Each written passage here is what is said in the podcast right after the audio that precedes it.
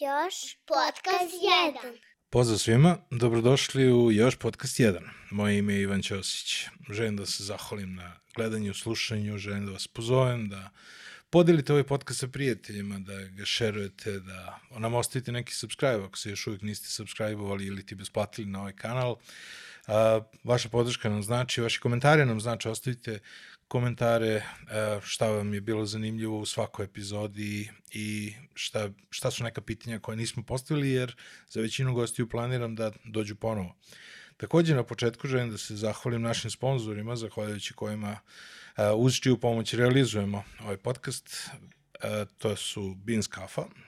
Beans Kafa je način da imate espresso kafu u svom domu, u svojoj kancelariji, uh, možete se pretplatiti samo na kafu, možete se pretplatiti na kafu sa aparatom, kao što je ovaj aparat iza mene, uh, i onda vam kafa stiže svakog meseca i imate espresso kafu u svom domu ili u svojoj kancelariji. Naš drugi sponsor je MVP Workshop. MVP Workshop je studio koji u Beogradu razvija rešenja na blockchain tehnologijama, razvija rešenja budućnosti, konstantno su u potrazi za e, ljudima koji će im pomoći u tom radu, konstantno traže nove e, ljude koji, koji žele da nešto rade na, na blockchain tehnologijama, a takođe ono što je super meni lično jeste što su remote first kompanija, dakle možete sedeti kod kuće, kreirati budućnost u Beogradu. A danas pričamo o prošlosti. Danas pričamo o prošlosti. Moj današnji gost je Bane Gajić, osoba na čijem Facebook profilu provodim najviše svog vremena ne računajući Facebook grupe i drago mi je da sam te konačno upoznao uživo. Dobrodošao. Hvala puno i hvala na komplimentu.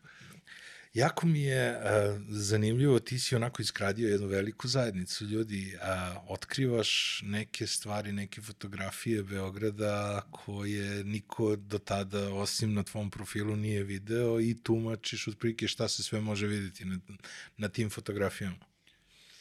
Pa Kako je došlo rekao, do toga? Da, to je tema iz prošlosti koja je u stvari vrlo povezana sa pričom o sadašnjosti i budućnosti. A, nikad do toga ne bi došlo da nije bilo sveobušte digitalizacije. Mm -hmm. Dakle, to je, da tako kažem, jedno tumačenje prošlosti kroz stvar, kao što rekao, budućnosti.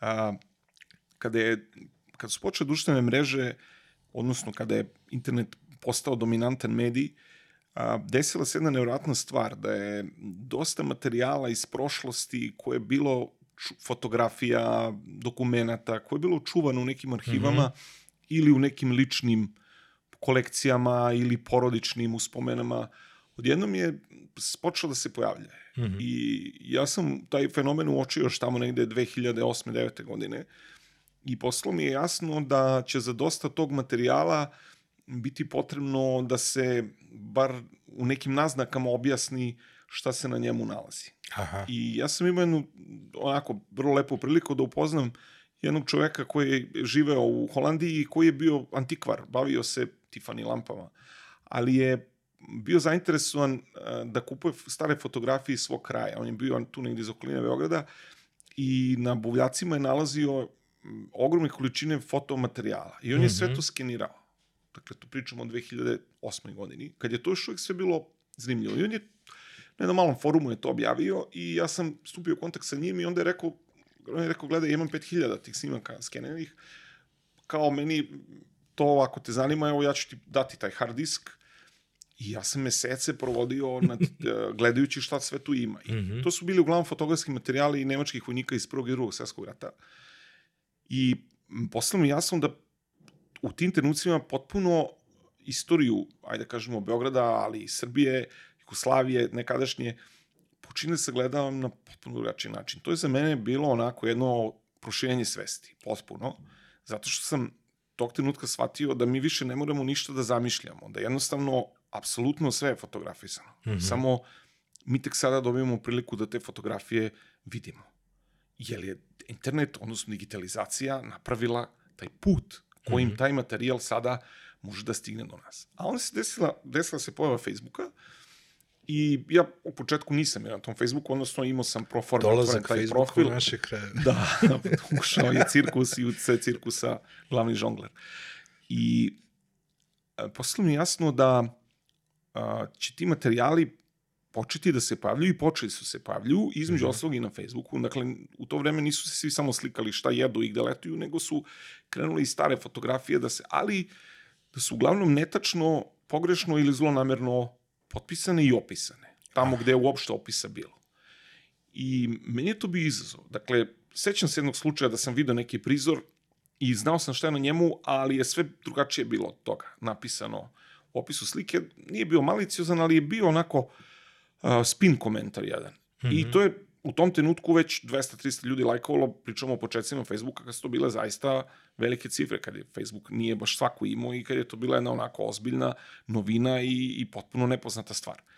S obzirom da ja to moram da sad napomenem, ja nisam istoričar po To sam hteo, obrazovanju. nisam hteo sad da te prekinem, da. Da. nam daš neki background svoje Da, pre sam toga. se uh, medijima i u, u to vreme sam bio ovaj, na nekim studijama koje su se odnosile na medije i onda mi je tek iz te perspektive taj Facebook još bio više zanimljiv, mm -hmm. mi je postalo jasno šta, o čemu se radi. I smatrao sam da je potrebno da deo od te kolekcije koja se nalazila u tom trenutku u mojim rukama da eto objavim i da ali da pokušam da objavim materijale u kojima apsolutno sam siguran šta je na njima Mm -hmm. i da to tako i objasnim. I onda je to, to je bilo nekih 50 jedan album o istoriji Beograda u drugom svetskom ratu i onda sam video da a, izuzetna reakcija bila. Dakle, za jednu noć je to nešto podeljeno 500 puta. I e, moj utisak je glavni tad bio da ljudi zaista su željni znanja. Ali da je ogromna odgovornost onog ko to znanje daje, odnosno ko im pruža materijale koji će zadovoljiti njihovu znatiželju. I da jednostavno u tom a, plasiranju tog materijala mora da se bude izuzetno dobronameran i bar dobro informisan. Mm -hmm. Da ne kažem obrazovan, jer ja kažem ponovo nisam iz tog sveta is, istoriografije, ali mora da se dobro zna o čemu se govori. Mm -hmm. I onda je to tako krenulo, onda su se ljudi javljali, pitali su, je li imaš ti toga još? Ja sam rekao imam, ima toga dosta. Mm -hmm. A onda se desila mnogo bolja stvar. Ja sam video da je to materijal koji pomaže u klasičnim metodama nastave. Mm -hmm. Meni se javio izuzetno bro, veliki broj profesora istorije iz osnovnih i srednjih škola iz cele Srbije, Mm -hmm. koji su isto to pitali. Odakle materijal, da li toga ima još, da li mogu nešto im obezbedim. Javljali su se neki mladi istoričari, današnji doktori nauka, od kojih su neki među novi posledimo jako bliski prijatelji. I ja sam shvatio da jednostavno, ne samo što je od, odgovornost, ali nije morala da bude, to mogla bude trala zabava, ali mm. -hmm. jednostavno sam tako pristupio toj celoj priči. I uh, shvatio sam da to može bude izuzetno edukativan alat, Aha. koji može da pomogne da neki, neka deca, neki ljudi, da, da počnu da gledaju na tu istoriju na pravi način. A kako je, su mreže krenule da rastu, kako je i YouTube počeo, i Facebook, i kasnije šta se sve pojavljivalo, a, m, razmere zlopotrebe su bile sve veće. I sa tim je meni postalo potpuno jasno da tek sad ta odgovornost o, oko plasmana tog materijala i njegovog obrazloženja raste.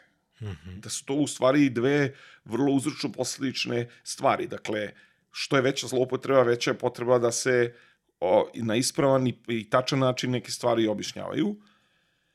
I tako je to krenulo. I onda sam ja, umeđu vremenu sam onda ja sam počeo da istražujem te neke izvore, pa sam došao do nekih nemačkih aukcijskih sajtova gde su se pojavljivali materijali. Mene primarno je zanimao prvi i drugi svjetski rat, ali je, kažem, u, u tom procesu potpuno sam nailazio na druge materijale, snimki iz 20. 30. godina, s početka veka.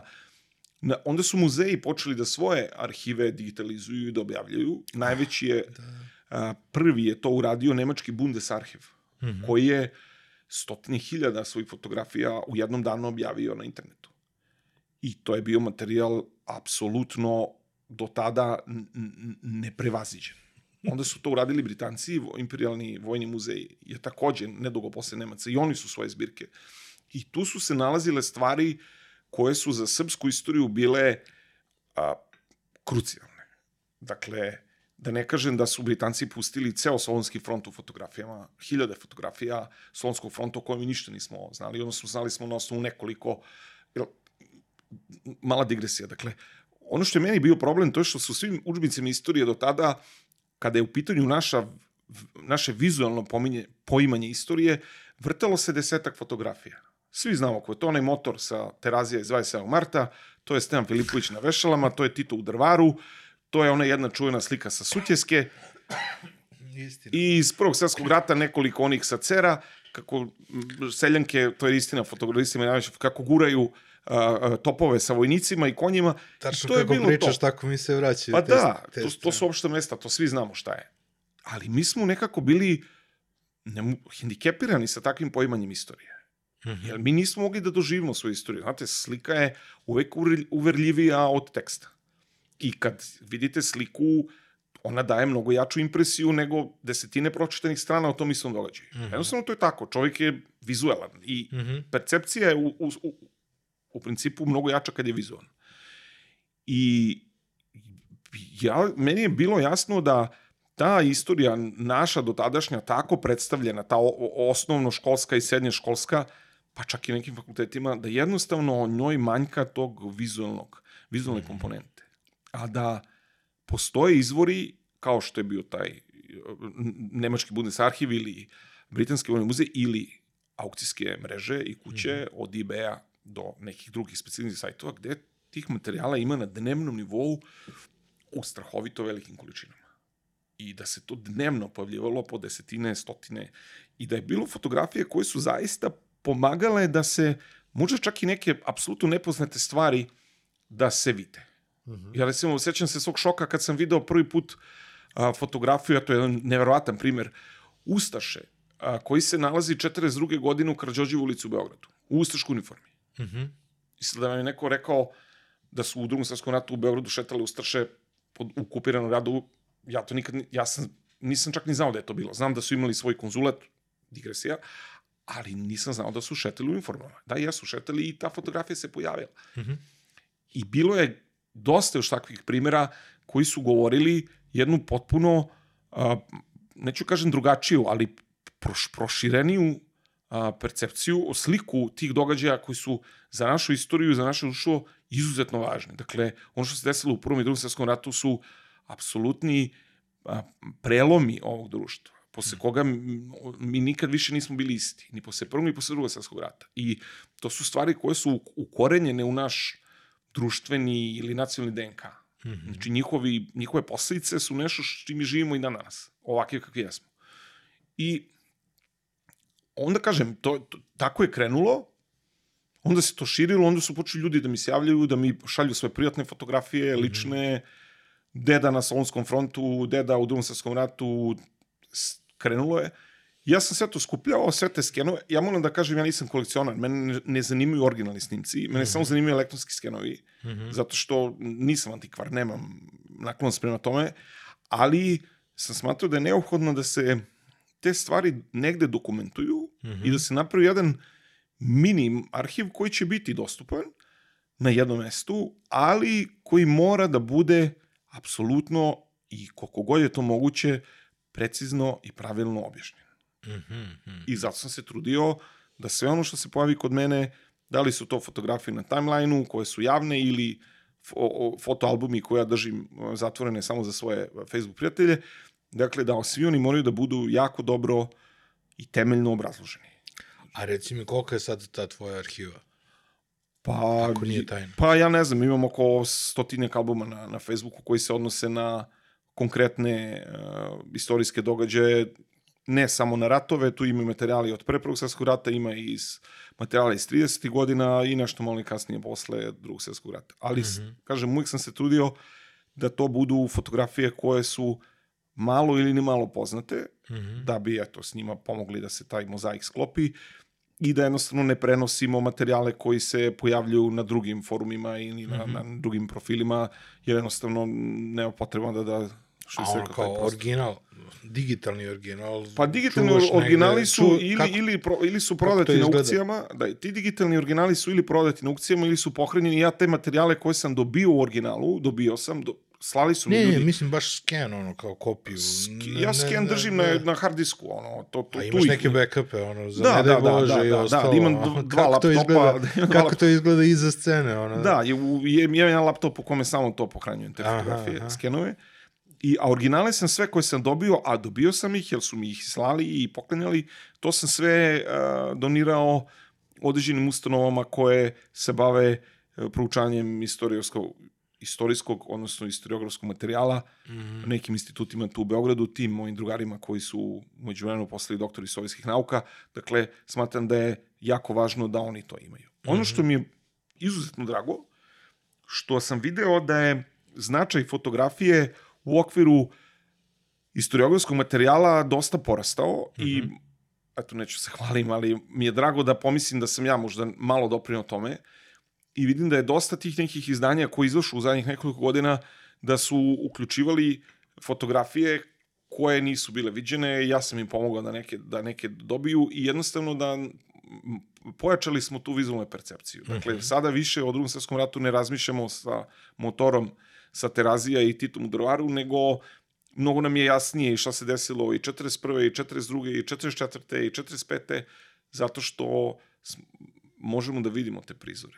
I takođe mi je drago e, što sam video da i na, da na Facebooku i na mrežama postoje još neki ozbiljni pojedinci koji isto tako jako rade, jako lepo objašnjavaju tu istoriju. Mhm. Ima ona je na Facebook strana gde su neki moji prijatelji, zove se Bio jednom jedan Beograd, tamo se pojavljaju fantastični materijali sa izuzetno dobrim obrazloženjima. Ima još nekoliko grupa, ima još nekoliko foruma, tako da napravila se jedna mala niša i u toj niši ima izuzetno kvalitetnog materijala i ja mislim da posle eto, koliko je prošlo, jedan- 11-12 godina, da smo mi danas a, apsolutno bolje, kvalitetnije a, informisani o svojoj prošlosti, o prošlosti ovog grada, ove zemlje i čini mi se isto tako da je potpuno jasno da neki ljudi sada imaju daleko bolja, bolje poznavanje i bolja, bolje uverenje o onome šta se nama dešavalo u poslednjih 100 godina. Dobro. A, ono što mi je posebno sjajno kod tebe jeste što ti živiš istoriju. Imam utisak da imaš taj neki to, to mi je posebno sjajno kada odeš na neku lokaciju i onda kao snimiš to i onda to uvežeš sa nekom slikom iz prošlosti kao eto kako je bilo nekad, kako je sada, kako je tu kako je tu cela priča, to je jedna stvar. Druga stvar, a, nekoliko puta si ti u samom Beogradu otkrio, znači na nekoliko primjera sam to video da ti na sadašnjem ono, Beogradu, u sadašnjim okolnostima otkrivaš neke stvari koje su tragovi prošlosti i onda to dokumentuješ, tako da nije samo ono da ti a, dokumentuješ, odnosno da arhiviraš te neke snimke iz prošlosti, nego i praviš nove zabeleške ove, istorijske. Pa ja sam ono što se kaže postmodernista, dakle. To te baš vozi, onako. Narativi koji se preklapaju. Pa ne znam, ja imam oko da to vidim. Dakle, ja sam ranije studirao sam istoriju umetnosti i onda sam a, posmatrao zgrade arhitekture mi je uvijek bila oblast od onako naj, najbližeg intimno in- interesovanja i naučio sam se da posmatram objekte. A onda kad sam počeo da posmatram objekte, onda sam počeo da na njima vidim stvari koje možda neko ne vidi. Pa se tu negde vide i ti tragovi od metaka, od borbi, e, bandere koje nose na sebi rupe od metaka, neke stare ratne oznake koje se i dalje vide. Tako da, jednostavno, to je način na koji ja posmatram stvari. Ne mogu da kažem da sad idem non stop gradom pa to zagledam, ali desi se da mi nekad upadne u oko neki sitan detalj koji mm -hmm. neko možda nešto ne, ne govori, ali meni je potpuno jasno kao neki forenzičar istorijski koji vidi tragove na, na, na mestima gde ih drugi možda i ne vide tako lako.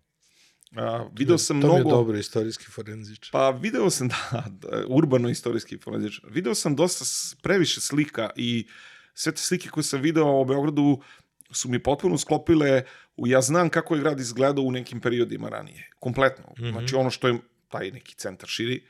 I onda mogu, kad nešto vidim, mogu da znam kako to izgledalo ranije, ako je postalo ranije. Mm -hmm. I onda mi je jasno šta tu može da se vidi, što sad kažem, delo je kao deo nekog opšteg ambijenta, a u stvari ima neke tragove o tome šta se tu, šta se tu ranije dešavalo. Koja je najveća promena u Beogradu? A, pa promena je... Ne računajući možda eventualno Beograd na vodi. sad. Ne, ne, promena urbanistička, da, definitivno grad se, grad se izmenio. Ja sam se ranije bavio nekim poslom koji je bio jako vezan za to kako grad izgleda u jednom svom delu teritorije i mogu da kažem da je grad, e, Beograd, jako deluje na prvi pogled, to sam nedavno govorio na jednom mestu, nama terazije deluju kao da se nisu promenile, su tu već 100 godina, Palata Albanija, Knez Mihajlo ulica, ali su te promene izuzetno duboke, izuzetno dinamične Mhm. I ovaj grad je u posljednjih 100 godina i malo više u neprestanoj promeni. I to je moj neki glavni utisak da mi svakog dana svedočimo jednoj promeni i da je ta promena vrlo dinamična, nažalost, ono što je takođe neizostan faktor u kompletnoj toj priči o promenama Beograda i njegovom životu su tragedije i razaranje koje je grad doživao. Mislim, ne smo nikada zaboravimo da ovo je prvi grad koji je rušen u 20. veku i posljednji grad koji je rušen u 20. Mm. veku. To je jedan strašan rekord. Jedna izuzetno crna osobina, ali je takva i naša je i ovaj grad i mi u njemu živimo sa tim. Dakle, da smo imali tu nesreću da budemo strahovito rušeni i da se iz tog rušenja uh, grad je izlazio s ožiljcima, izlazio sakaćen, uh, neke posledice se vidi i dan danas. Ja recimo gledam negde ima par mesta u gradu gde stoji još uvijek prazni prostori koji su bile zgrade koje su porušene nekom od bombardovanja. Mm -hmm. U prvom, prvom ili u drugom svetskom ratu. Dakle, i, postoji prazno mesto koje je porušeno u prvom svetskom ratu? Postoji u Balkanskoj ulici na gore, na pri vrhu, gde je ona pivnica, tu je mesto gde je bila zgrada koja je porušena u prvom svetskom ratu. I to dva puta. 14. i 15. godine. Aha. I tu više nije ništa zidano.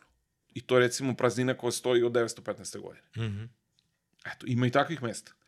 Ali da bismo to znali i da bismo te praznine videli kao nasilno napravljene praznine, mi moramo da znamo šta je tu bilo ranije. Mm -hmm. A ako smo videli fotografije, ako smo znali gde su snimljeni i šta je na njima, onda nam je potpuno jasno da neki prostora više nema. Na Zelenom vencu, na primjer, u, gde je Terazijska padina, cela ta donja strana su bile zgrade koje su sušene 44. Ili imate onaj deo između Vlajkovićeve ulice i Skupštine. Mm -hmm. Tu je isto bio niz zgrada koji je 42. godine srušen kad je Nedić vršio neki projekat modernizacije uređenja grada. Mm -hmm. Dakle, ima mesta, kažem, te praznine danas koje su u stvari nastale kao rezultat istorijskih procesa. Eto, između ostalog i tako se grad menja. Dakle, kao što imamo i nove sadržaje na mestima da ih nikad nije bilo, pa evo, pomenuo si i Beograd na vodi, da, jedna ta ledina ili kako da je nazovemo, taj prazan prostor gde su nekad bili vagoni to, je, to nije, od kad Beograd postoji, to je uvek tako izgledalo. Odnosno, kad nije bilo močvara, kad je nasuto, 100 godine trebalo da bi se tu napravili neki novi sadržaj. Mm -hmm. Ali su se napravili. Tako da, kažem, Beograd je dinamičan i kroz te slike koje sam ja imao prilike da vidim fotografije, mogu da sebi potpuno jasno predstavim, a onda nekad, kao što si to vidio na Facebooku, i da ukažem na neke momente gde se nešto nalazilo ili šta je tu bilo ili kako je došlo od toga da tu ima nečeg ili da nema nečeg. A reci mi sad jednu drugu stvar, ti, to sam video da ti najviše voliš Kalemegdan kao, kao naj, to je bilo pitanje kao kada bi ti od, vodio nekoga, da, da, da. Ovaj, kao gde bi ga prvo, gde bi prvo odveo.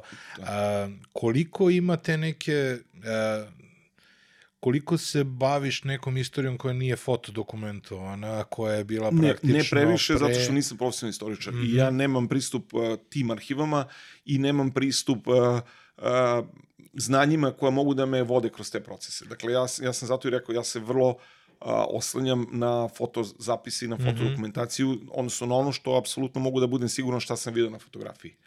Zato mi je to važno, ma da, mi moramo da znamo da je Beograd fotografisan još od kraja 19. veka, da je bilo fotografa koji su već, knez Mihajlo je bio fotografisan. Mm -hmm. Dakle, e, ako pričamo o tome, fotomaterijali sežu duboko u 19. vek. Mm -hmm. I mi možemo da, da vidimo fotografije da je današnja knjez Mihajlova, jedan veći deo su bile bašte privatne neke, od, ostale od otomana, uh, koje su presecale tu ulicu. Dakle, da je u centru grada su se nalazile bašte koje su neke današnje vrlo frekventne ulice presecale mm -hmm. na pola. Ima materijala, dakle, od druge polovine 19. veka, od sredine negde, koji i tu istoriju Beograda ja, kažem, mogu da pratim i, i pratim je. Mm -hmm. Znači, od, od trenutka pojave fotografije pa da, kod nas... ne mogu da kažem da mi nije poznata prethodna mm -hmm. istorija, apsolutno uh, imam znanja o tome šta se dešavalo u nekim prethodnim epohama i kako je izgledala neka novija, novija, ne novija, ali istorija Beograda od a, senjeg veka pa na ovamo, ali ne mogu da s apsolutnim uh, uverenjem i, i kredibilnošću da je tumačim zato što, kažem, taj posao zaista je, treba da se prepusti profesionalnim istoričar.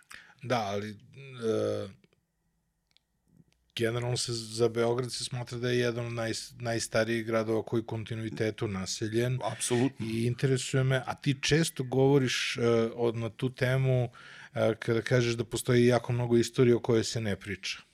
Pa, Šta je, recimo, ajde pre nego što krenemo na ovaj deo koji si ti Da sam da dokumentovao, a, koji, koji pratiš, da kažemo, od Knez Mihajla nadalje, ajde to, znači, ajde samo da, da, da kažemo, da li šta ima od prošle istorije pre Knez misliš, Mihajla, e, misliš na neolitsko nasilje na, na banjici, pretpostavljam. između ja sam napisao i o ostalog, tome, znači, da. šta, šta, o čemu se nedovoljno priča. Prosto 1900 želim da otvorim teme da, da. bi ljudi koji su zainteresovani. 1929. godine, kad je rađen put Zavalu, Mhm. uh, iskopano je neolitsko nasilje na današnjoj banjici, Mhm. tamo gde je okretnica trolejbusa.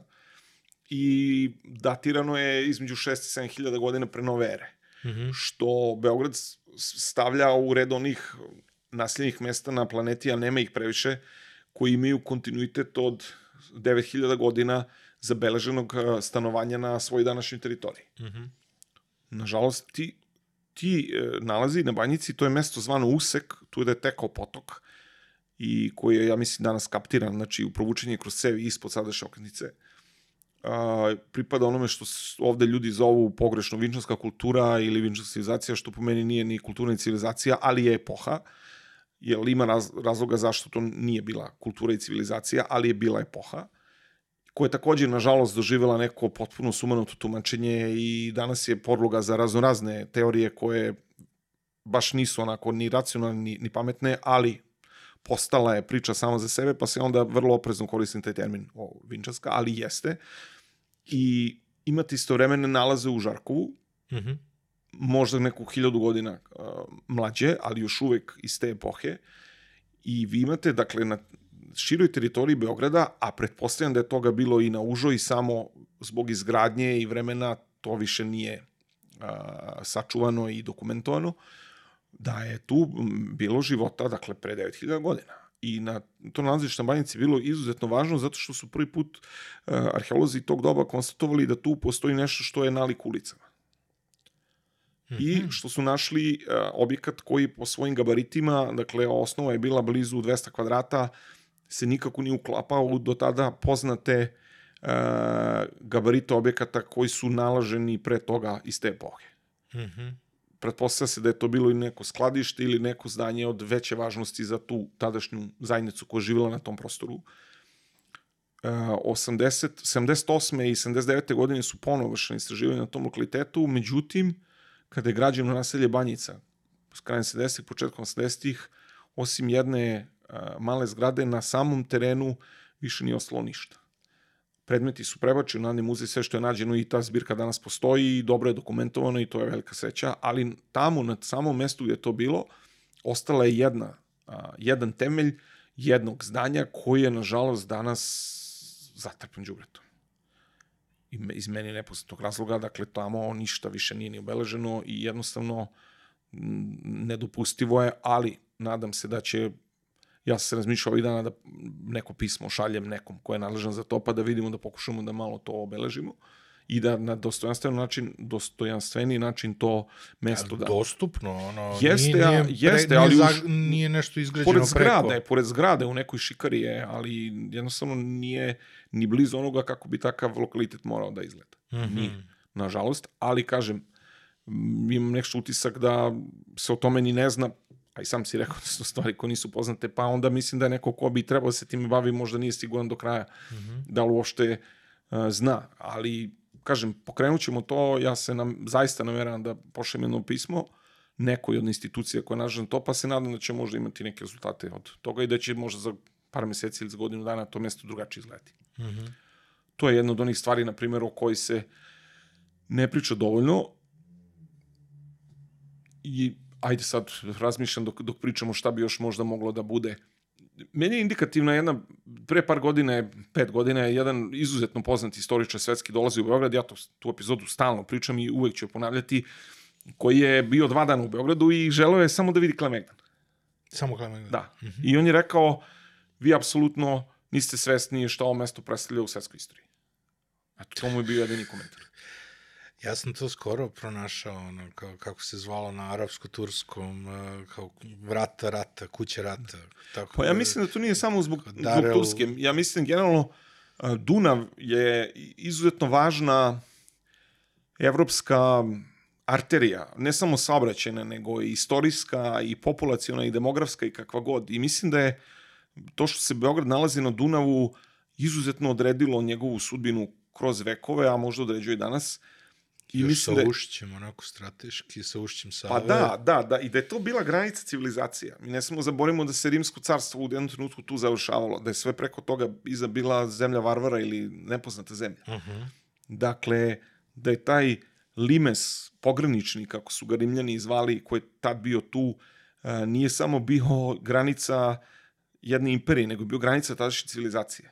Uh -huh. I da je Beograd, između ostalog, sa ostalim naseljima antičkim koje su se nalazile na toj teritoriji e, današnje Srbije, a nekadašnje rimske provincije, dakle, da je on imao jedno veliko značenje. Dakle, da je tim Dunavom je i tada puno toga se kretalo i taj Dunav je imao važnost, kao što ima važnost i u kasnijim vekovima. Imao je mhm. važnost za evropske civilizacije, imao je izuzetno važnost za Nemce i oni su to pokazali i, i u drugom svetskom ratu. Dakle, a da ne pričamo o nekim ranijim vremenima, odnosno za Austrijance, odnosno za Austrugare.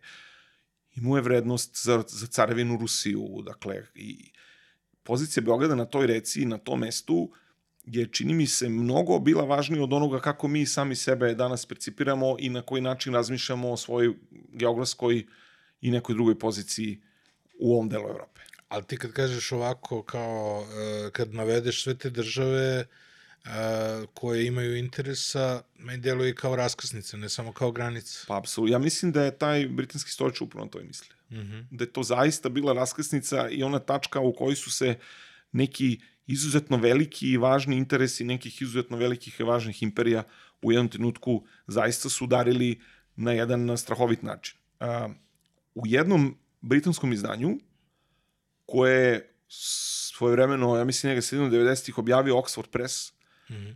a britanska gledačka kuća, nalazio se jedan podatak koji je, ja nisam uspio da ga vidim lično, ali sam video da je prenošen kao a, podatak u nekoliko stručnih radova sa navođenjem izvora, u kome se tvrdi da je Beograd grad, odnosno naselje, oko koga je u svetskoj istoriji vođeno najviše bitaka.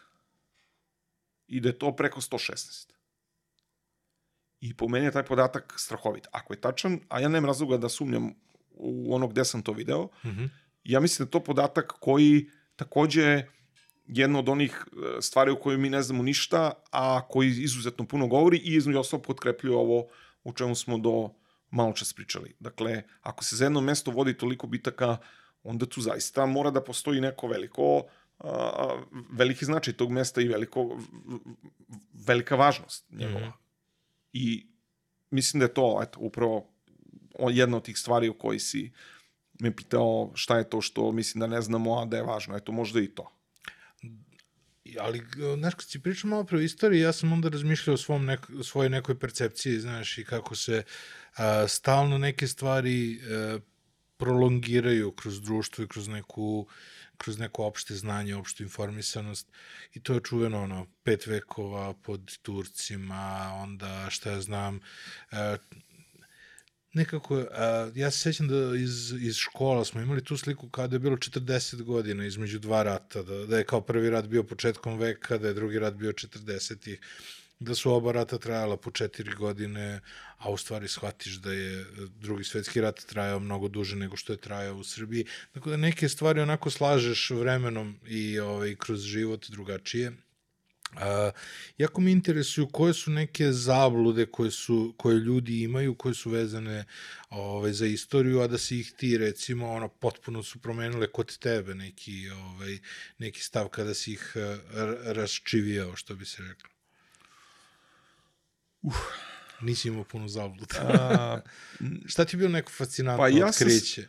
Sam, uh, fascinantno otkriće, uh, ne mogu kažem da se to nije znalo, ali mislim da se nije o tome puno pričalo, a te, još se manje percipiralo u javnosti, e, mi je bio moment e, oko sudbine Jugoslavije, odnosno kraljevine Jugoslavije i srpskog naroda u njoj u kontekstu odnosa savezničkih sila u drugom svetskom ratu. Mm -hmm. Dakle, i činjenica da je a, sudbina Jugoslavije određena na savezničku konferenciju u Teheranu a, direktnom direktnim insistiranjem i zahtevom tadašnjeg sovjetskog vođa Staljina prema predsedniku Sjedinjih američkih država i britanskom premijeru Rooseveltu i Churchillu da u Jugoslaviji mora da bude podržan Tito i da Jugoslavija mora da bude a, posle rata zemlja u kojoj će vladati a, Tito i njegova partija, odnosno njegova vojska. I da su oni na to pristali i apsolutno kroz sve što sam kasnije pratio i e, razmišljao i čitao,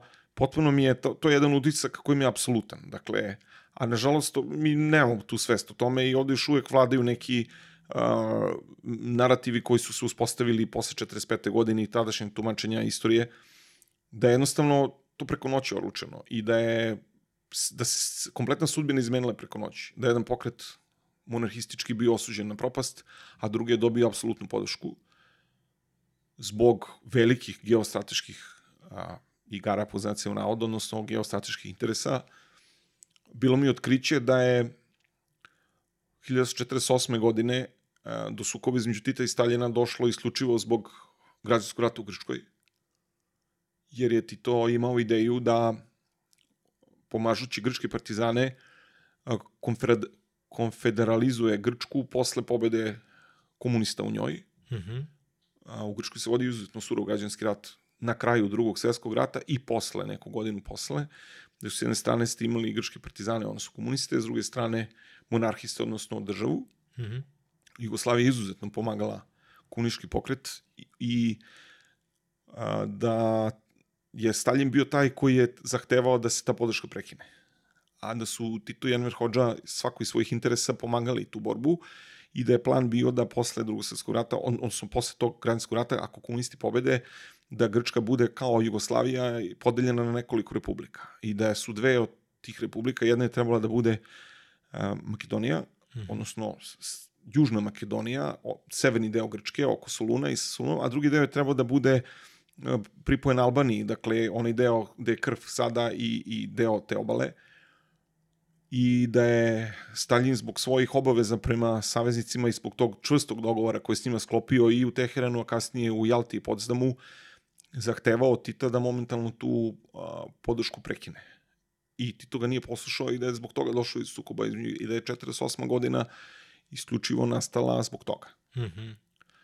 Isto tako, jedna od zabluda takođe vezanih za to vreme je bila da je Tito bio na meti Stalinovih ubica, a da je on to uspeo da to izbegne zahvaljujući ne znam čemu. Pa tu imamo onu priču koja se neprestano ponavlja kao on je rekao Stalinu ti možeš pošle stotinu ubica, ja ću postati samo jednog i bla bla bla. Dakle, i pozicija Jugoslavije je bila od 45. godine do 90.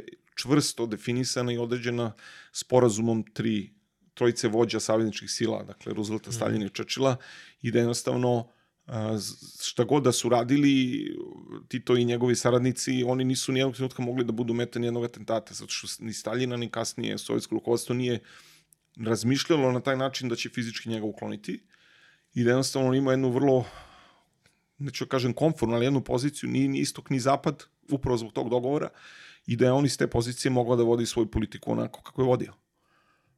A, u Grčkoj znamo šta se desilo, Grčka je bila, pripala je zapadnoj interesnoj zoni, po tom dogovoru Staljina sa Rooseveltom i Čečilom i on je smatrao da će akcijom jugoslovenskih komunista u Grčkoj uh, zapadni saveznici smatrati da on narušava taj dogovor, a to može da ima izuzetne pos negativne posledice po Sovjetski savez i njega samog.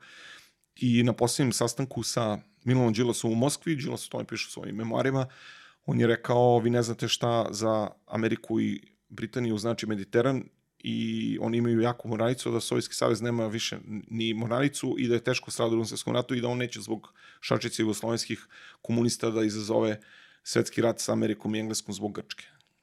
Eto, to je jedna od tih epizoda, na primjer, koja mi je, kad sam neke fotomaterijale imao prilike da vidim, pa sam počeo da o toj temi malo razmišljam i da, i da istražujem, to su neki zaključci koji su mi se nametnuli i koji su po potpunoj suprotnosti sa onim kako se danas percipira to vreme i taj period mm -hmm. u mhm. javnosti. Ja sam o tome pisao i video sam po reakcijama da je to ta, ta moja, moj stav je negde našao na neko, neki dobar odjek kod ne, nekih ljudi. Mm -hmm.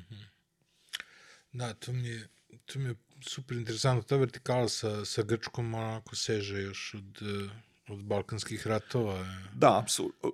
Sudbina Jugoslavije u drugom svjetskom ratu i srpskom narodu Jugoslavije je apsolutno ogledalo i apsolutno spojeni sud sa Grčkom. Mm. Dakle, to su dve identične sudbine, ali rešene na različite, odnosno na iste načine, samo u različitim, različitim bojama ili različitim ideologijama.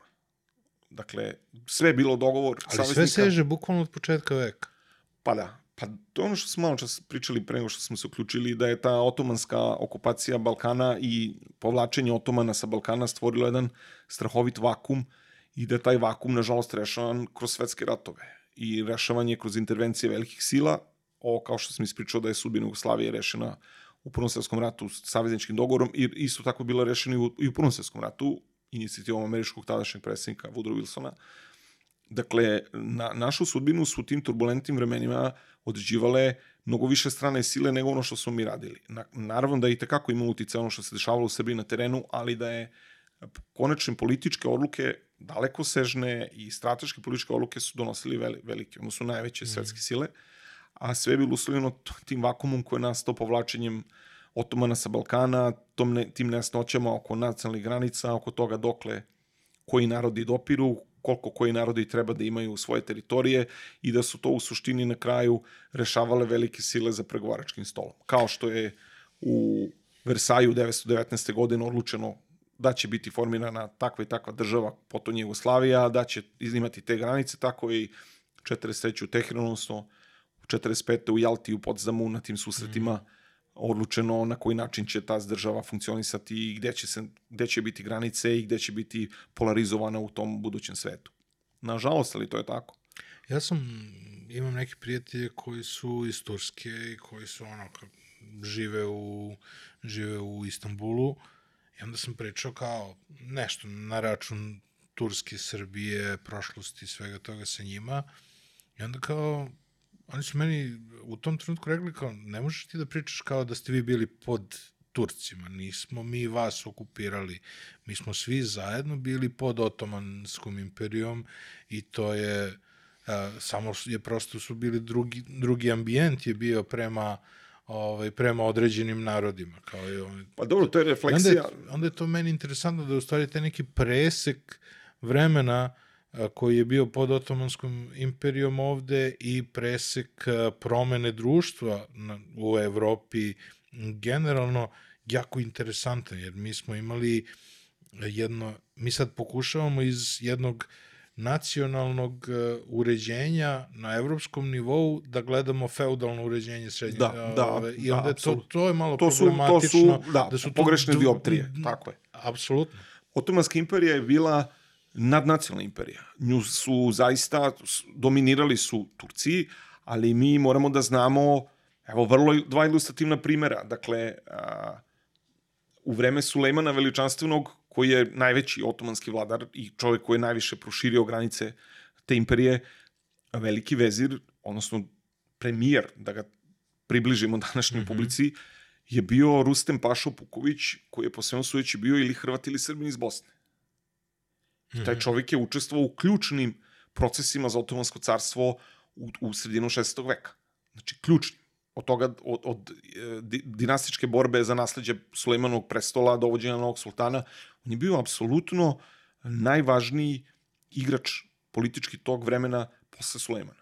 O njemu danas jako malo ljudi ovde zna i jako malo je se pominje i mi apsolutno ne znamo ni ko je on bio, ni šta je bio, osim da je bio s ovih prostora da je govorio ovaj jezik. Mm -hmm. To je dokumentovano. I da odlučivao na najvišem nivou u Otomanskoj imperiji. Tako da, to što ti Turci su tebi rekli, to je apsolutno refleksija te činjenice da je, da je e, Otomanska imperija zaista bila multikulti.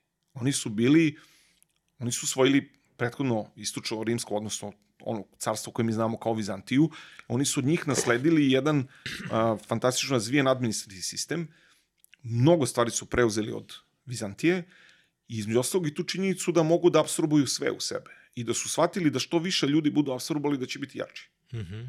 I vi posle, posle Rustema vi imate a, Mehmet Pašu Sokolovića, koji je u mandatu, da tako kažem, tri sultana izuzetno važan igrač. Vi imate činjenicu da Ruskinja, bivša robinja, ona koju znamo kao Hurem iz čuvene TV serije, odnosno Rokselana, da je ona majka turskog sultana i baba sledećeg. Ruskinja, dakle ne Turkinja. Tako da, A sad je na Netflixu bila epizoda o osvajanju, uh, o osvajanju Konstantinopola ovaj, i tu je prikazana Mara Branković. pa da, pa upravo, upravo je to, dakle, oni su, otomani su od Vizantije videli da oni moraju da se na razne načine uvezuju sa raznim narodima. Da, da daju izvesne slobode, da daju izvesne verske slobode. Drugo, vi imate verske zajednice koje su direktnom korupcijom ostvarivale svoje slobode. Eto, ako pričamo o mitovima, jedan od zanimljivih mitova koji se ovde i dan danas ponavlja je da je Mehmet Paša zbog svog brata dao Pećkoj patrijaši a, a, a, crkvenu autonomiju. Mm -hmm. Što nije tačno, dao je Rustem Paša pre njega i dao je zato što su Grci platili da bi, jer su Grci imali ideju da preuzmu ono što je nekada bila a, teritorija srednjovekovne Srbije, crkvenu organizaciju, strukturu manastira i sve. Grci su hteli da i preuzeli su, oni su više stotine godina vodili glavnu reč u današnjoj onome što danas znamo kao Srpska pravoslavna crkva. Mm -hmm. I da je, da je to, na primjer, direktno bilo plaćeno korupcijom Rustem Paši, koji je bio, kažem, po svemu sujeći Hrvat ili Srbin iz Bosne. Mm -hmm. A bio je veliki vezir. Tako da, a, na moju veliku žalost, ako već sad idemo duboko u tu, u tu istoriju, a, premalo istoričara iz Srbije se bavi Otomanskom imperijom. Mm -hmm. A, ne, nisu učili jezik, ne znaju da čitaju a, stare dokumente i Turci drže te arhive prilično zatvorenim. Bilo je... Glavna arhiva je, koliko ja znam, Istanbul i oni spisi Mavra Urbina. Jeste, u Istanbulu je najveći deo arhive. Imali smo primer prošle i pretprošle godine, oni su pre ove nesreće, da je jedan mladi istoričar iz Beograda išao u arhive i da je dobio dozvolu da nekih šest meseci tamo radi i ja čekam da vidim a, rezultate toga.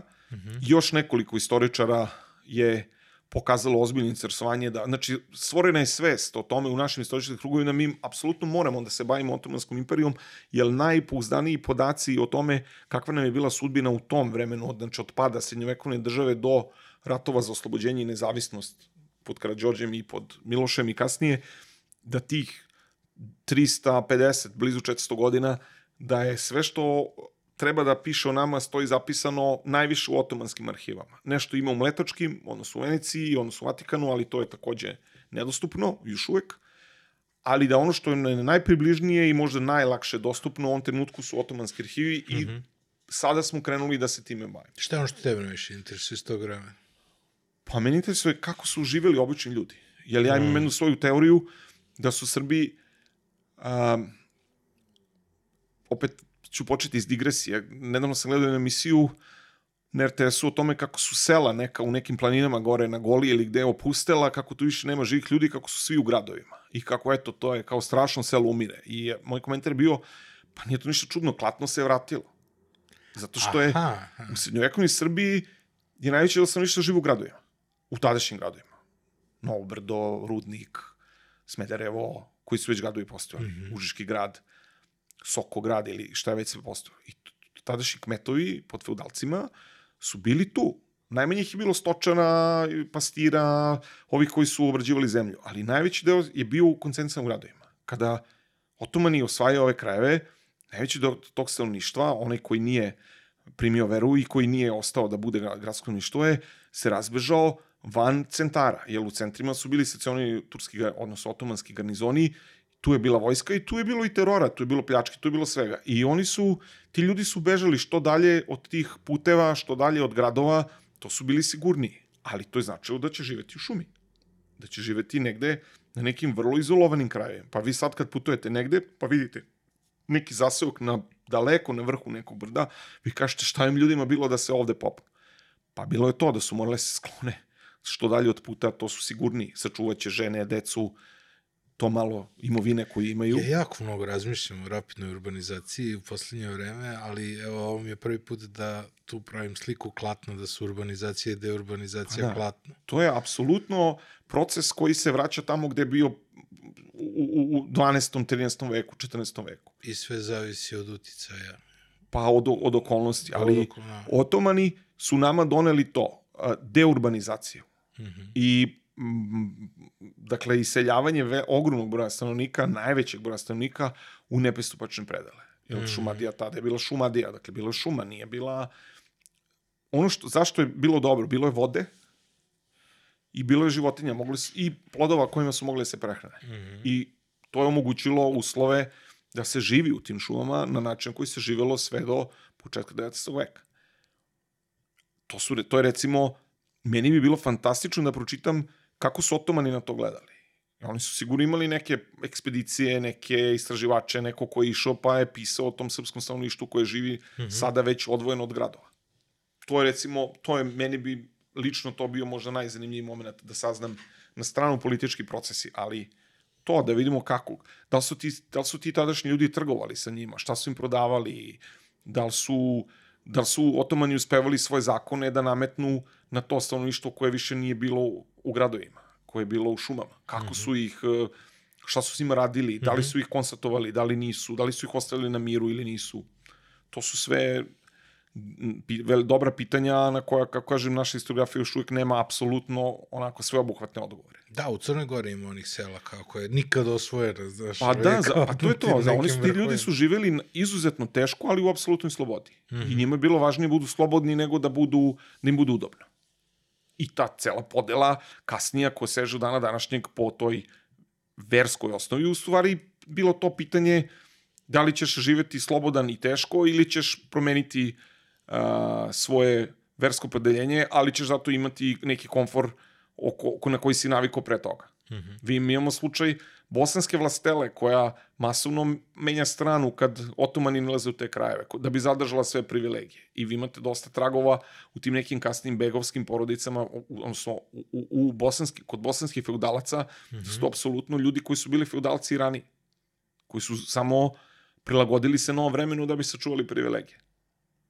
I to je recimo jedna od izuzetno zanimljivih stvari kada pričamo o toj o toj promeni kad srednjovekovno društvo dolazi pod, pod otomane i kako na koji način se njemu prilagođava. Mm -hmm.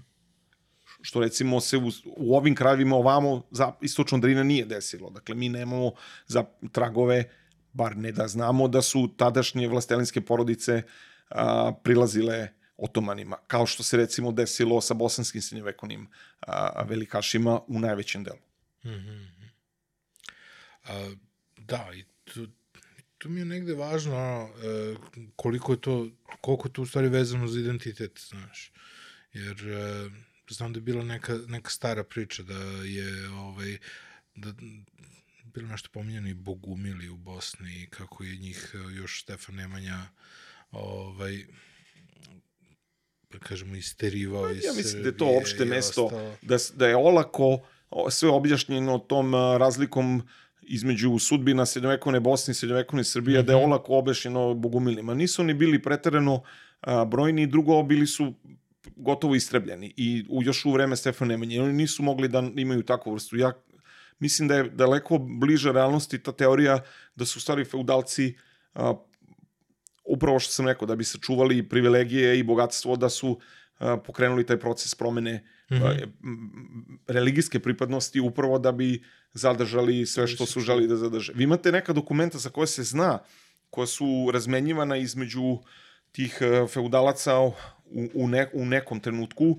gde je otkriveno da je tako sa nevidljivim mastilom ispod otomanskog pisma pisano na srednjovekovnom jeziku, mm -hmm. našem. Dakle, su oni štajne šifrone poruke među sobom razmenjivali na domaćem jeziku. Neću kažem, aj, na srpskom. Mm -hmm. Dakle, da, da jednostavno, da su oni bili tekako svesni svog identiteta. Ti isti koji su bili već u to vreme u 17. i 18. veku percipirani kao Turci, a da u stvari nisu bili, su bili direktni potomci srednjevekovne vlastele, bosanske. I mislim da tu uh, Bogumili su samo jedno od tih zgodnijih objašnjenja i jedan od tih kako si rekao malo čas, mito, da se neke da, stvari lakše razumeju. Ali mislim, znaš kako, Ja mislim da sam jako Pokemon, pokupio sam sve mitove. Da, znači, pa nije, nije to. Ja sam znaš, široko informisan i onda više... Mitovi su zgodniji zato što olako sve objašnjavaju. Mm -hmm. I mhm. to je baš kao, kao neki mozaik, sve se sklopi. Dobar story. Ali nisu neće, nisu tačni i uh, mi ne, nemo, kažem, nemamo izvore, nemamo, ne razmišljamo, odnosno skloni smo razmišljanju u opštim terminima. I mhm. onda mm -hmm. zahteva dosta, ne dosta, ali malo više napora da se neke stvari sagledaju uh, na jedan način koji je možda adekvatniji i bliži onome što se zaista desilo. Mm -hmm. A nisu svi ni spremni ni voljni da razmišljaju na istorijski način, nego prihvate zdravo za gotovo i onda se ta objašnjenja ponavljaju, produža, produžava im se trajnost i tako dolazimo do toga.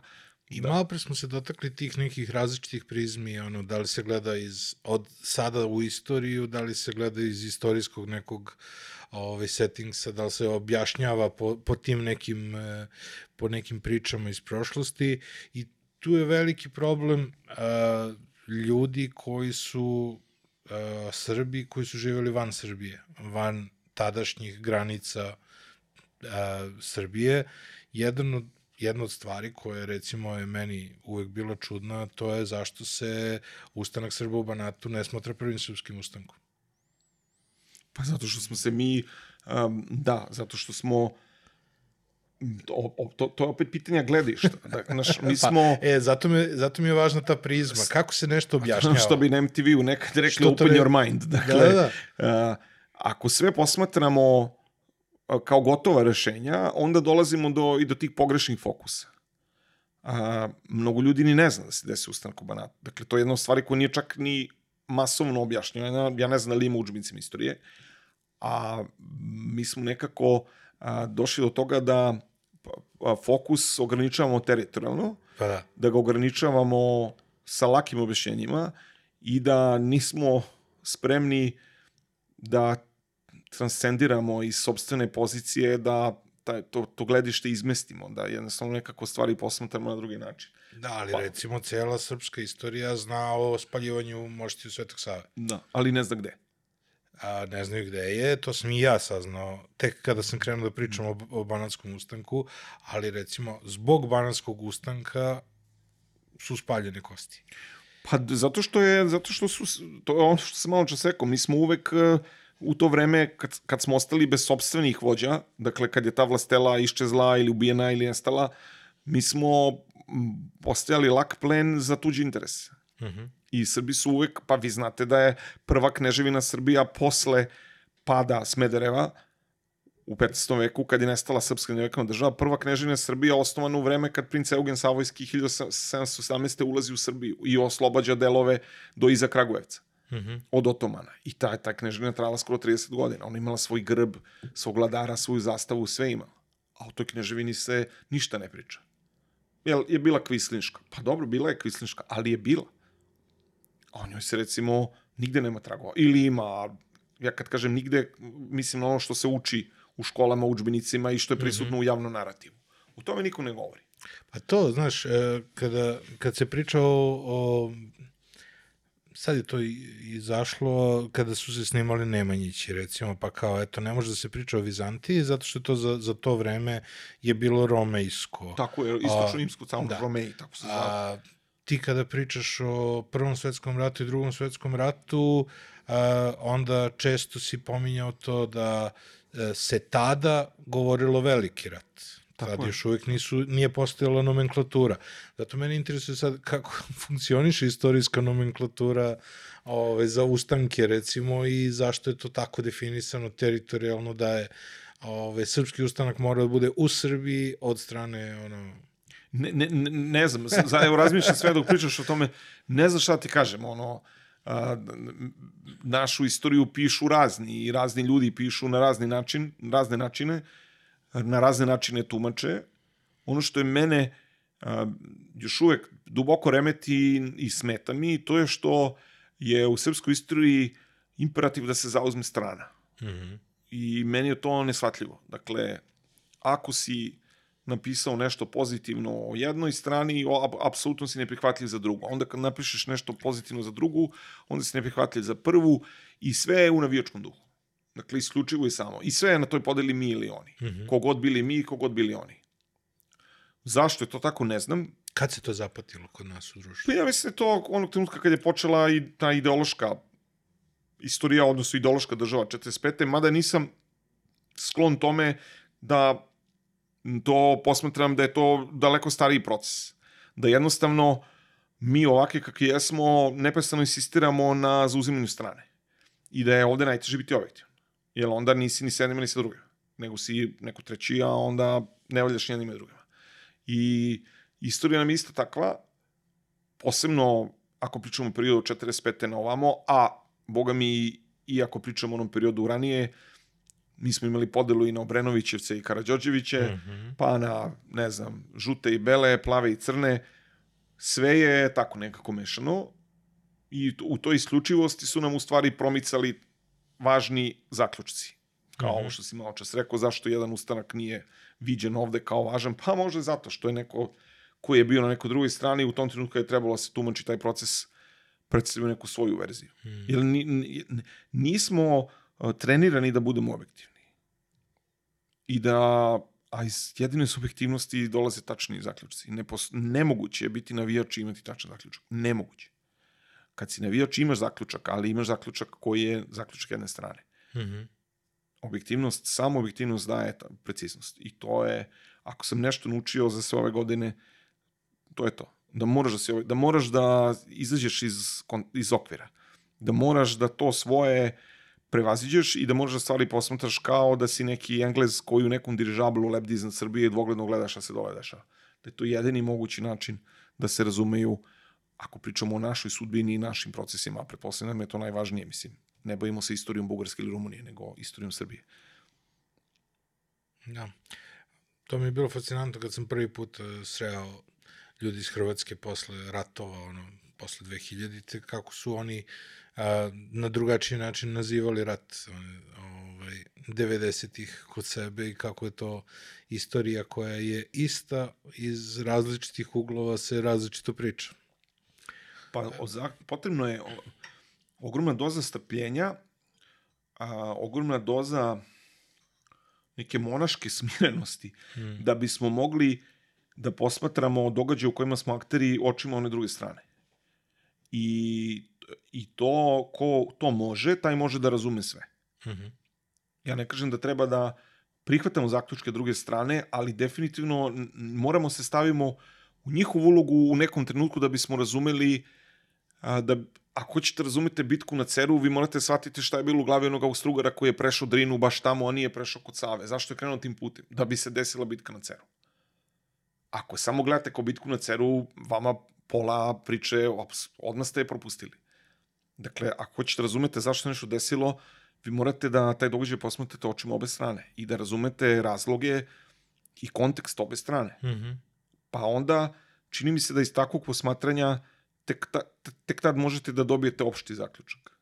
Pa da znate da su Austrijanci u tom trenutku, na primer, bili uh, taj vojskođe koji ih je vodio da je bio pun ponosan na to neko svoje planinsko iskustvo, pa da je smatrao da su oni ljudi koji na planinama pobeđuju, da su oni narod sa planina kojima su planine užasno važne, pa da on odbija s indignacijom da napreduje preko Save, severom, zato što je to ravnica, da su oni u stvari ljudi koji su naviknuti na nevratne podvige koji podrazumevaju osvajanje planinskih vrhova.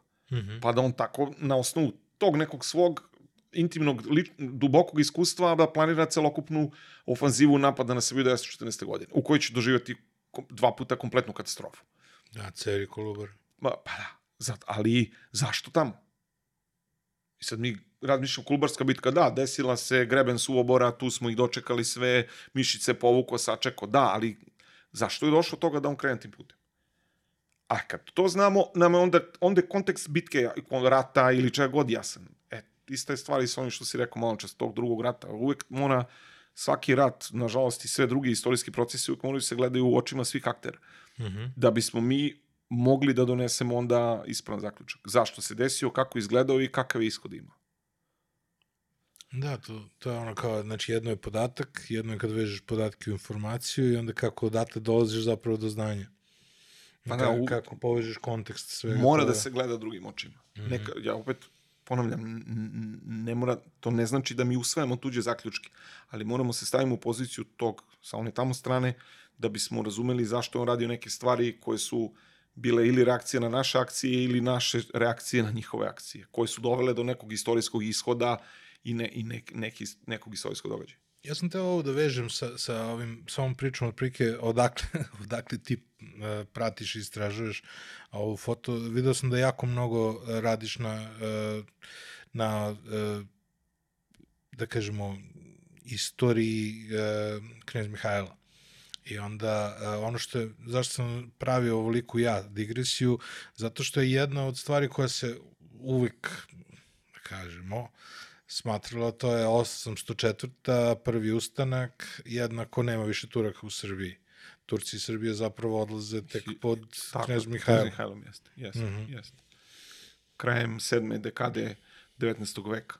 Pa dobro, Mihajlo je bio vešt vladar, uspeo je da iskoristi jednu situaciju koja je nastala na onim... Ali rekao si jednu čudnu, meni jako interesantnu ovaj, rečenicu, to je da nije mogao da preživi. Aha, ti referiraš na onu emisiju koju sam radio sa gospodinom Samrđićem. Pa da, to, to je ono što sam rekao malo čas, zato je, e, posebno u, posebno u to vreme, kad kraja i- imperijalne epohe, kad imperije na sve moguće načine pokušavaju da odrede e, događaje koji će se dešavati i kada su izuzetno aktivne, to je pik njihove aktivnosti je a, druga polovina 19. veka pre nego što u katastrofi a, Prvog svjetskog rata gotovo sve budu nestale sa istorijske scene, ali da se onako vrlo slobodno izrazim, nikad luđe bile nisu sve imperijalne sile koje su delovane na Balkanu nego u vremenu, u vremenu kraja, sredine i kraja 19. veka. Mhm. Zato što je potpuno bilo jasno da je Otomanska Turska kako je rekao tadašnji britanski premijer bolesnik na Bosforu, da će se urušiti i da će taj vakum ostaviti uh, ogroman prostor za neke druge. I onda su svi bili aktivni u tome ili da popune taj vakum ili da spreče da se taj vakum popuni nekim drugim, pa smo tu imali neprestane sukobe i Britanske imperije, i Carske Rusije, i Austrougarske, Carine Nemačke, svi su bili prisutni u svojim interesima na Balkanu i jedna sila koja isto nije bila teritorijalno orijentisana, ali imala izuzetnu moć, a to je Rimokatolička crkva. Dakle, svi su u nekom trenutku bili angažovani ovde. Mhm. I knez Mihajlo je bio čovek koji se nije uklapao u većinu tih planova, jer je maštao o slobodi i nezavisnosti. Dakle, on je bio mali vladar male zemlje. U trenutku kada sve male zemlje e, im se kroji kapa od strane velikih imperija. I on je e, jednostavno se sudario na najstrašniji mogući način se sudario sa budućim projekcijama nekoliko imperija. I zato sam rekao to da nije mogo da preživi, on zaista nije mogo da preživi, jer on nije bio spreman a, da drži a, poziciju koju Srbija pre toga imala, to je da se produži to vazalno stanje pod jednom umirućom imperijom otomanima, a s druge strane da trenutak kada oni budu oterani, kad sami odu, da on napravi od toga jednu a, samostalnu nacionalnu državu. Odnosno, mogu slobodno da kažem da su se snovi a, kneza Mihajla na jedan čudan način ostvarili tek 1919. godine.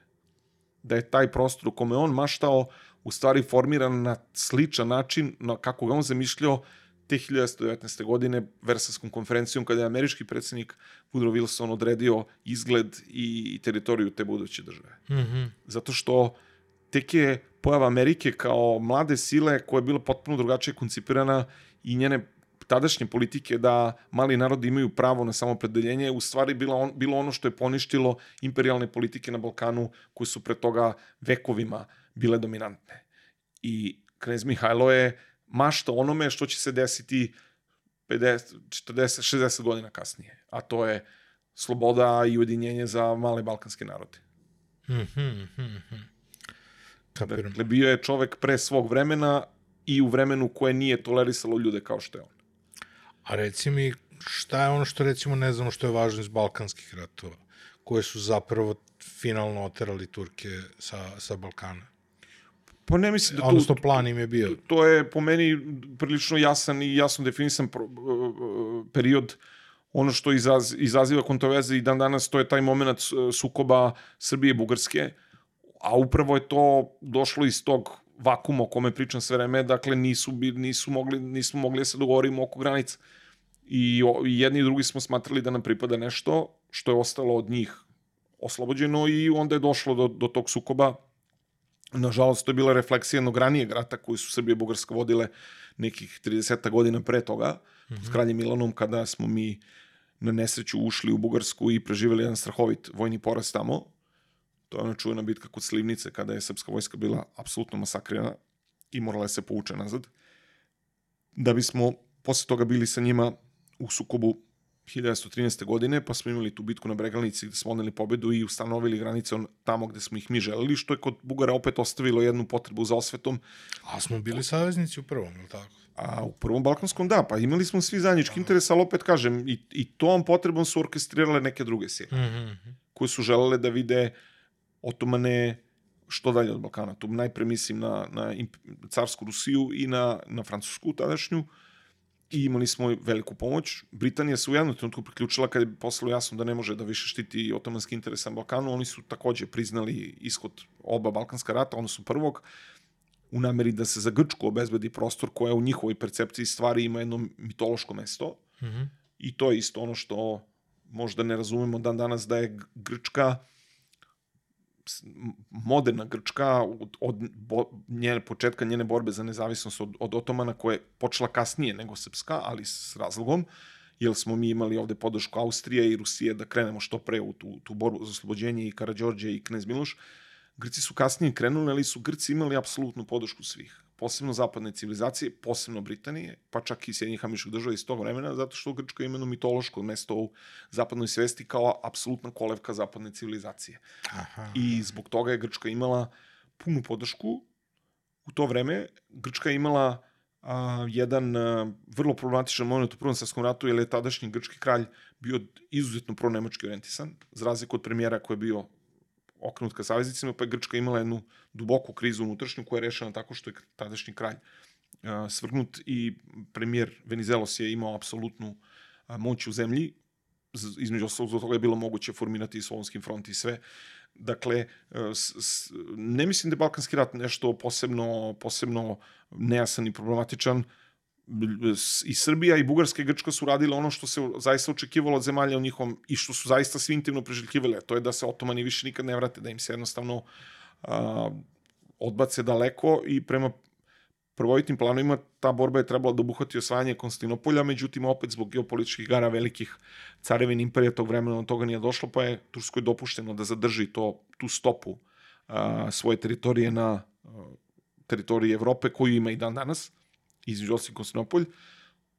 Turska u Prvom svjetskom ratu bila na strani a, Nemačke, taj rat je izgubila, ali je uspela nekim čudom da se 22. godine, 23. povrati i da ponovo pod vođstvom Kemal Paša Ataturka osvoji kompletno svoju obalu. Ono danas što gde naši ljudi letuju sva te letovališta na sredozemlju, to mi ne znamo da je to do 23. godine bila teritorija Grčke. Mhm. Pa da su Grci onda jednom nesmotrenom ratnom avanturom i tu teritoriju izgubili vojno od Turaka i bili bačeni u more. Ali opet, kažem, ta, taj sentiment zapada prema Grčkoj je dopustio Grčkoj da zadrži ostrava u samu obalu koja u tom trenutku više vojno nije mogla da zadrži. Turci su mogli da ih osvoje, ali im zapad to nije dao. Jednostavno Grčka je morala da za to, to zadrži i to je tako ostalo i to je tako i danas, evo, sto godina Aha, kasnije. ali kontinentalni deo Turske On ti da, je- svi gradovi u koje, kojima se danas letuje, to je sve bila Grčka. Grčka je imala teritoriju nekih stotinja kilometara u dubinu teritorije. Efes i ostalo. Da, da, to je bila takozvana njihova Mala Azija, onda je došlo do tog nesretnog rata, onda je došlo do strahovite migracije stanovništva, više miliona Grka je moralo da pobegne sa te teritorije, a onda je više stotine hiljada Turaka iz Grčke bilo prebačeno na te prostore, to je bila jedan etnički inženjering, jedna velika razmena naroda, na sreću ili na žalost, nisu, bolje je bilo tako nego da su stradali u nekim etničkim čišćenjima, čega je bilo u to vreme, ali eto, to je, to je osnova onoga što danas znamo kao današnju Grčku i današnju Tursku. Reci mi ti interesi stranih sila, koliko je to uticalo na, na razne stvari koje su imale veze pre ono, usmira i što bi se reklo prvog svetskog rata, a, kako je to sve... e, Pa ja mislim da mi još uvijek ne znamo kakva je tačno bila uloga e, carske Rusije u tome da se Srbija nađe na putu u Prvi svjetski rat. Mhm. A, malo čas sam pomenuo tog istoričara britanskog koji je dolazio u Beograd i on je rekao da, pored Kalemegdana, da još želi samo da popije kafu u hotelu Moskva Mhm. I pod obzrženjem da, kaže, ova zgrada ima izuzetno veliku važnost za noviju srpsku istoriju. Stvarno? Zgradu Moskva je podiglo jedno tadašnje rusko osiguravajuće društvo, u suštini tadašnja tajna služba carevine Rusije kao svoju isturenu tačku uh, uh, dometa ili dosega koji su imali u tadašnjoj jugoistočnoj Evropi Mhm. i zanimljiva je stvar da su kule koje se nalaze na pročelju, one dve, kao izgledaju kao neki mali minareti, da ne skrnavim uh, drugu religiju, ali zaista posjećam na to da su bili nakon ubačeni u projekat jer su želeli da investitori iz Petersburga su želeli da ta zgrada sa tim kulama nadmaši gardu školu u Zemunu po visini, koja je opet pa bila simbol najjužnije tačke do koje je doprla Austro-Ugarska imperija. Mm -hmm. I taj imperialni sukob a, Austro-Ugarske i carevine Rusije u Beogradu, odnosno na ušću Dunava i Save, i, odnosno potreba da Rusija na takav način simbolično pokaže onoj strani tamo preko puta da je i tekako prisutna u Srbiji, je po meni bio jedan od momenta koji tekako ima veze sa tim da se Srbija obre u paklu Prvog rata. Jer ja stalno to ponavljam, to je bio zaista sukob imperialnih sila za globalne resurse. Srbija koja je bila mala, nerazvijena zemlja, koja nije imala faktički vrlo slabu industriju, nije imala nikakvu potrebu ni za kakvim resursima, se odjednom obrela u epicentru i u, u, u prvoj fazi tog rata. Ja ne znam koji je odgovor za to. Ono što znam, znam da je način na koji je Petar Karđođić doveden na vlast i ljudi koji su stajali iza toga su izuzetno bili blisko povezani sa tadašnjim strukturama Carevine Rusije i da su zaista imali svoje lične poslovne interese sa tadašnjim uh, oligarcima, da, kako bih i danas nazvali, Carevine Rusije i da je Dunav a, bio, kao što sam rekao malo čas, ekstremno važan u nekim tadašnjim ruskim projekcijama a, dometa njihovih spoljnih trgovinskih i političkih uticaja. A Beograd je na mhm. tom putu imao bio najisturenija najdelja tačka. Vi znate da su Rusi imali svoje posade obalskih topova kojima su čuvali Dunav još pre izbijanja Prvog svjetskog rata i da je Dunav u, njihovo, u njihovoj strategiji, geostrategiji, geopolitici ekstremno bio važan. Isto tako su Strugari to znali i da je njihovi nerašićeni odnosi i njihove problematične situacije u međusobnom ograničavanju i limitiranju snage i uticaja su, bojim se, bili ta tačka koja je dovela do toga da Srbija bude prvo poprište. Vi isto tako treba da znate da mi na Ceru nismo slučajno sačekali Ostrogorsku vojsku, mi smo planove za napad dobili od carevine Rusije. I naša vojska bila strateški pozicionirana upravo na tom pravcu, jer smo znali od jedne velike špijunske afere koja se nekog godine ranije desila u Austro-Ugrskoj, e, da su ti vojni planovi za napad na Srbiju, koji su već bili e, pripremani od početka 20. veka, do nas došli posle svom carine Rusije. Mm -hmm. I eto, to je jedna od tih priča koje su recimo neispričane kada je prvi svetski rat u pitanju, jer mi potpuno zdravo za gotovo uzimamo tu činjenicu da smo se mi našli u ratu sa Ostrugarskom zbog atentata u Sarajevu, ali bojim se da čitav kontekst eh, koji je prethodio tome da ga apsolutno nekako ili ne gledamo ili ga previđamo. Pa bilo je sad jako mnogo materijala na tu temu, da je, šta ja znam, bukvalno na dan atentata je otvoren neki pomorski put koji povezuje Nemačku neku bazu na... Da, gore kod Kila, na, da. Se, da, Kilski ne, Svet je bio na, onda, u, na liniji rata i to apsolutno nije bilo dileme da će tako biti, to se videlo već od početka 20. veka. Ovo je bilo baš kao, evo, ovo je povod, ali da. kao, pa, mo, to je mogu da bude bilo šta drugo. Da, Britanija i Nemačka su imale suko pre toga u Alžiru, odnosno u, Maroku. Dakle, nije to bila prva varnica koja je sebnula, mm. ali je meni zanimljivo a, na koji način je Srbija došla u poziciju da otvori sukob sa Nemcima, odnosno sa Austrijancima, s kojima je do u drugoj polovini 19. veka imala najbolje odnose i dakle mi smo bili izuzetno upućeni i geografski i trgovački i kako god na tadašnju Austrougarsku odnosno na Nemačku kojim je takođe taj Dunav bio izuzetno važan i mi smo bili neko koji kontrolisao jedan ključni segment toka Dunava i, i oni su imali interesa da sa nama sarađuju. A onda se desilo prvo to ubistvo tog nesadnog kralja Aleksandra, pa onda potpuna promena u srpskoj politici i uspon nekih sila i nekih ljudi koji su danas ostali nevidljivi za istoriju. Jer mi u tom periodu pričamo o kralju Petru Karđorđeviću. Kad Petar Karđorđević je bio legionar u penziji, koji je jako slabo govorio srpski jezik i koji živi u jednom stanu u Švajcarskoj, po koga je neko otišao da ga dovede u Beograd. Mm -hmm. Dakle, ko su bili ti ljudi? Ko je finansirao atentat? Ko ih je organizovao? Mi to tako, kao eto, oficiri su se pobudi, pobunili, ubili cara i do, ovoga Aleksandra i doveli kralja Petra. Pa nisam siguran da baš sve tako bilo. Ali zašto? To ne znamo.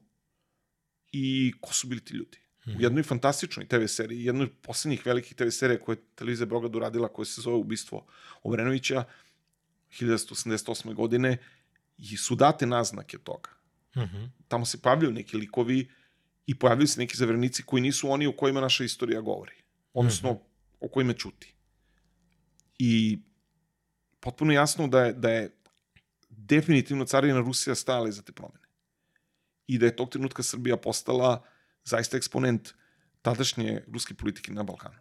I da je to izuzetno zaoštrilo odnose i sa Austro-Ugarskom i sa Nemačkom i negde nas je postavila na taj kolizioni kurs sa njima koji će se desiti 9 godina, odnosno 11 godina kasnije. Mhm.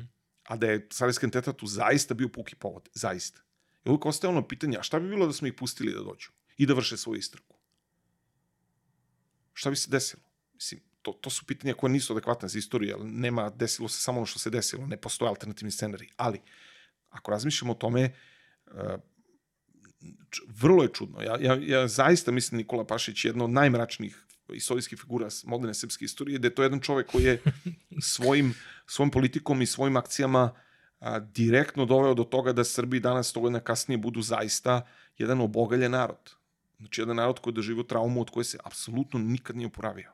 Dakle, ulazak Srbije u prvi svjetski rat koji po meni, a možda grešim uvek ostavljam tu teoriju, nije bio obavezan i nije bio isključiv, a desio se da je ono kad, kad je taj prvi svjetski rat završen, da ono s čime je Srbija izašla iz tog prvog svjetskog rata bila takva trauma da do dana današnjeg, evo 100 godina kasnije, mi trpimo njene posledice. Ali taj početak je bio ne, onako junačko, pobednički, sa te tri bitke u nizu, od koje su dve stvarno bile ogromne pobede. Pa ja opet A, kažem, jesu. Vi morate da znate da je srpska armija u tom trenutku jedina armija u Evropi koja u 20. veku ima ratno iskustvo. Odnosno bugarska i srpska.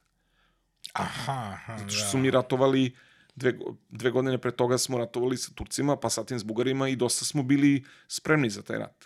Srpska armija u tom trenutku ima avijaciju, koju ima pored nje samo još Francuska. Mi imamo nove topove koje smo kupili a, 1108. godine, koje su u tom trenutku nisu imale ni francuske snage. Dakle, mi smo imali najmodernije naoružanje tog vremena u, u arsenalu, a moje pitanje je zašto? Kako došlo od toga da Srbija, koja je bila mala zemlja, da ima... Na, mi- To pre, pred ono, par minuta mi si smo- pričao mi kao smo- mala zemlja. Da, mi smo bili Izrael svog vremena. Kao danas Izrael što ima najmodernije oružje, koja je jedna mala država okru- okružena Mhm. sa drugim velikim državama, ali je najbolje naoružana i najbolje spremna. Ja se usuđujem da povučem izvesnu paralelu između današnjeg Izraela i Srbije na početku 20. veka. Srbija ima najmodernije pešadijske puške Mauser, ima najmodernije topove, u to vreme apsolutno glavno sredstvo vođenja rata je artiljerija. I ima uvodi avijaciju koja je po- apsolutni novitet za to vreme, ali Srbija i prva borbena upotreba avijacije je upravo u Balkanskom ratu prvom kod Skadara, kad i gine Narnik Petrović koji je prva žrtva. Dakle, mi smo bili jako spremni za rat. I ta priprema se desila u svega 8 godina. Mhm. A moje pitanje je zašto? A ta sva priprema se desila posle tog atentata i... Posle ovaj, ubistva Obrenovića, da. Mhm. Obrenović je krenuo da reformiše, ali to nije bila ni tako dinamična, ni tako brza, niti toliko obimna reforma. A onda od odakle 900... nam pare? Pa i to je pravo pitanje. Ko je se to platio? Mhm. Jer tad, tad je bila velika afera oko Mislim, nabavke- avion nikad nije bio jeftin. Pa da, on je bio toliko i- nov da još uvijek je bio smatran za nepotrebnu stvar. Da. Ali je bio tu. Mi smo kupali, nekoliko aviona smo kupili na, na raznim stranama, nešto smo čak i zarobili od Turaka, ali a, nismo, a, mi nismo imali novca za toliko naoružanje. Jer smo još uvijek bili siromašna zemlja. A imali smo ga. Mada se u onoj, onom delu kada ste pričali o knez Mihajlu u toj emisiji, ne ovde u podcastu, ovaj, pričao o tome kako je knez Mihajlo napravio livnicu za topove. Knez. Mihajlo je krenuo, da. On je, On je, ali krenuo, on on je, prvi napravio- put krenuo sa ovo, kako se sad zove SDPR, kako, Da, namensko. Da, namensko. Pa da, ali on je to uradio iz dva razloga. Prvo da, da bi došlo do oružja koje niko nije htio da mu proda. Mhm. I drugo, da bi modernizovao industriju. A najlakše je modernizovati industriju. Vojne tehnologije su uvek špic tehnološkog napretka. I on je vrlo svesno ušao u to da napravi vojnu industriju u Srbiji, znajući da će ta vojna industrija uh, vući sve ostalo za sobom. Kao što i dan danas u svim zemljama vuče. Pa tad je bilo četvrtina, to sam isto Pa da, čuo u toj pa emisiji. da. nas. I on je vrlo to svesno uradio, ali oružje koje mi imamo 912. nije srpsko oružje. To je oružje koje je proizvedeno nešto delimično je bilo licencno pešadijskog oružja, ali to je kupljeno oružje. Kupljeno je u Nemačkoj i kupljeno u Francuskoj. I deo je dobijen od carevine Rusije Mhm. po- pod nekim uslovima. Dakle, Srbija je 912. godine spremna za rat i spremna da se oslobodi od otomanske Turske. Ali je ta količina oružja i njegova a, vrsta i sve, to je daleko prevazilazilo tu potrebu. Mhm. I desilo se to što se desilo, da mi uđemo u prvi svjetski rat, da strahovito stradamo u tom ratu, iako smo odneli prve dve velike pobede, a, m, zato što smo bili spremni, zato što Ustrugari nisu imali ratno iskustvo, a mi smo ga imali, naši oficiri i niži oficiri i podoficiri su već bili svi prekaljeni u ratu, što je u ratu najvažnija stvar. Dobili su, imali ste vojnike i rezerviste koji su već učestvovali u, u dva rata i oni su jednostavno dosta a, hrabro i odlučno odneli dve vrlo važne pobede Mhm. u vrlo nepovoljnim uslovima. Jer je već počela glad, za, re- za, zalihe municije su bile potrošene, Austrogari su bili izuzetno dobro opremljeni i izuzetno a, pametno vođeni kroz te rat. Oni su imali te mitraljaze koje smo mi tek krenuli da uvodimo, oni su ih već ozbiljno koristili i, to, naneli su nam strašne žrtve u borbama, zahvaljujući upotrebi neke njihove borbene tehnike, ali smo svejedno mi njih porazili.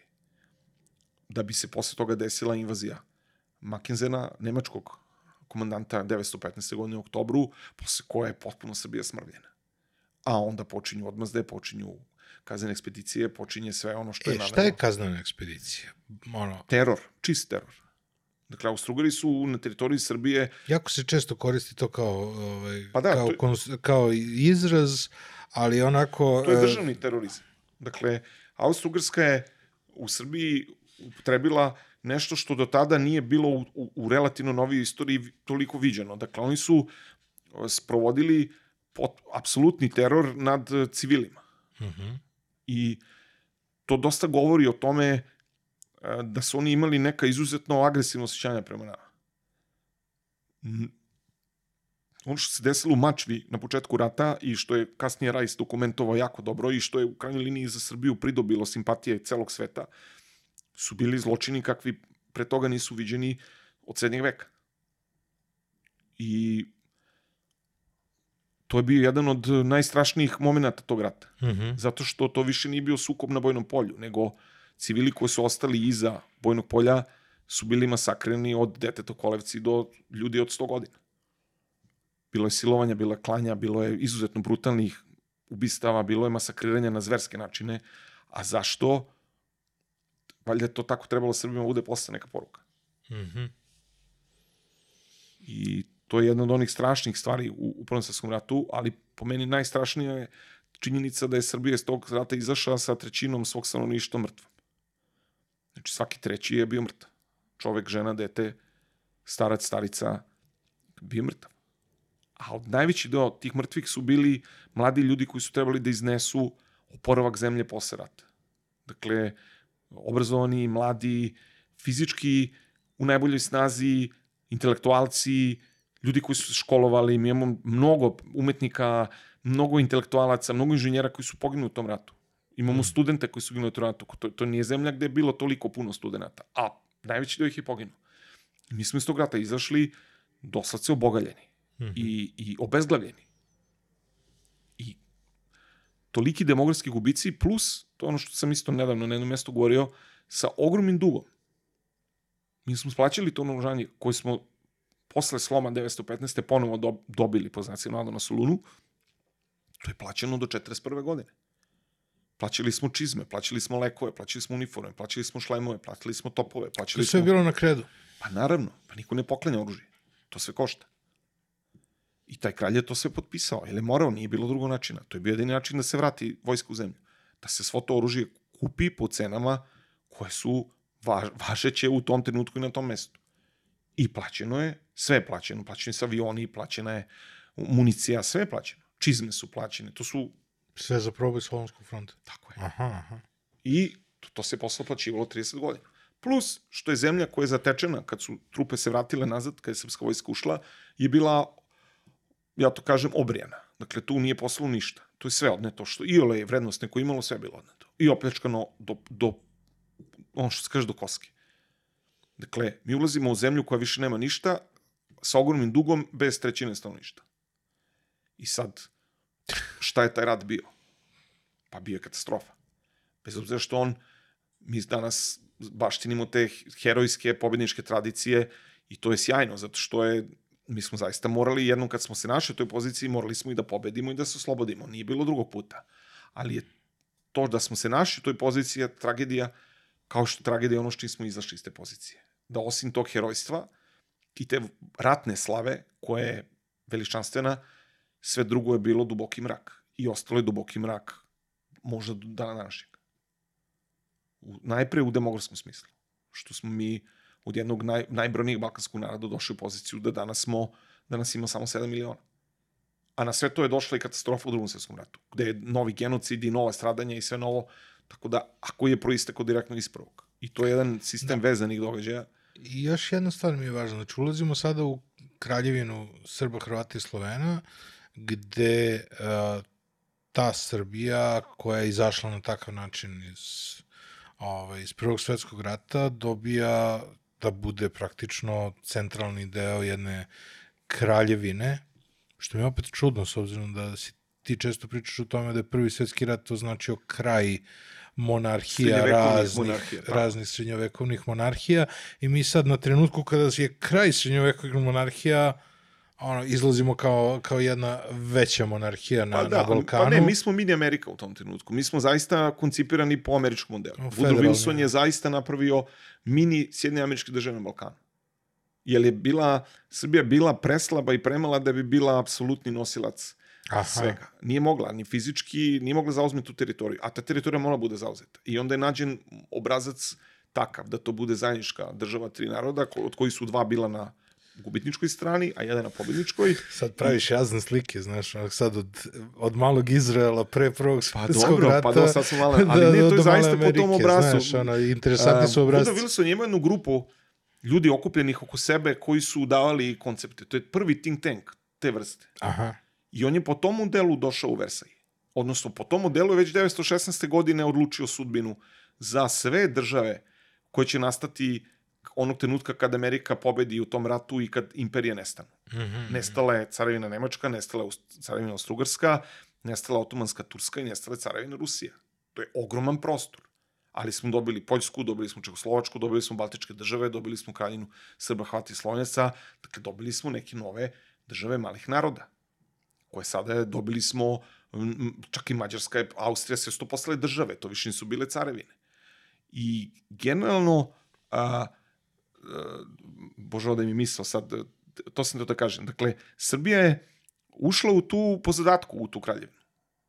Zaista po zadatku. Da se jedan prostor dobije neki novi, novi okvir.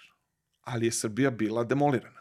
I, I suočena sa ogromnim separatizmom posle tog naroda pa koji nikad što, nije bio pod zato Srbijom. Zato što ti narodi nisu mogli da dožive te osakaćene, obezglavljene Srbe kao dovoljno snažne da mogu da vuku tu državu napred. U mhm. ostalom, to, mi čak to nismo i hteli. Dakle, kralj Aleksandar zaista nije znao šta da radi sa tim poklonom, po znacima navoda. I on je morao da ga održava u životu, bilo mu jasno... Nije bila njegova aspiracija. Pa ne, ja mislim da je to jedna od naj, onako, većih konstrukcija a, ovog Mene vremena... Mene uvijek interesovano Balašić, on jebo nas kona sastavi. Pa ne, ovaj, pa... Čije je, ko, ko je taj krivac? A da, kad pevači počnu da tumače velike stvari. Ovaj, o, Aleksandar je na krfu dobio domaći zadatak. Pa je, to, to postoji dokument. Njemu mm -hmm. tadašnji američki poslanik u Grčkoj ambasador, kako bi danas rekli, mu je dao domaći zadatak. Kako će to sve izgledati? Ili će to prihvatiti, ili će se rešenje tražiti van njega. Mm -hmm. I onda on naravno mora da prihvati. Jel, do, pa, on, zašto on uopšte krenuo sa vojskom Albanije? Kako došlo od toga? Kome je garantovano da će ta vojska da se povuče i kad se povuče da će jednom dobiti azil, ono utočište, da će moći da se oporavi. Mm -hmm. On je morao da ima neke garancije s kojima je krenuo na taj put. Pa na krfu mu je rečeno šta se očekuje od njega, on nije imao drugo nego to prihvati. I on je sve vreme radio taj zadatak. Ali je radio sa narodom i državom koja zaista to nije mogla da iznese. Plus, što ja stalno kažem, što smo mi, uh, ulazići u Jugoslaviju, definitivno narušili i rušeći tu jednu klerikalnu veliku monarhiju austrougarsku, mi smo zaista sebi napravili neprijatelja a, s jednom vrlo jakom, nevidljivom silom koja se zove katolička crkva. I kralj Aleksandar je z- od njih zaista bio precipiran kao čovek koji je za račun nekih drugih ide ideologija narušio neki vekovni poredak. I rezultat toga smo videli u drugom svetskom ratu. Kada je dobijamo ono što dobijamo od strane onih koji su bili direktno povezani s tom crkvom. Mhm. Dakle, ja ne optužujem sad daleko bilo katoličku crkvu, ali konstatujem da je situacija sa stanjem kraljevine Srba, Hrvata i Slovenaca zaista i prema njima bila jedan jak prst u oko. I da je odjek tih negativnih osjećanja se ispoljio 41. godine. Dakle, to su sve uzročno posledične veze. Mhm.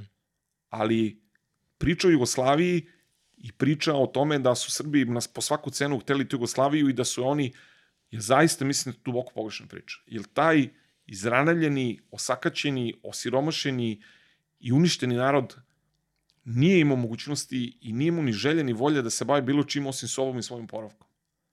Ali je morao. I onda smo dobili ono što smo dobili, jednu permanentnu političku krizu koja traje od 919. godine do 41. Na sve to se nadovezuje uspon bolševizma kao jednog snažnog pokreta koji je duboke refleksije imao na ovom terenu i uslovljavao je gomilu e, procesa koji su se ovde desili političkih ubistvo Puniša Račića, atentat na kralja Aleksandra, to je sve imalo veze s tim, a rezultiralo je onim što smo pričali malo čas što se desilo 43. godine u Teheranu, da je Stalin zahtevao da se definitivno monarhija demolira i demontira zauvek na prostoru Kraljevine Jugoslavije, odnosno Srbije.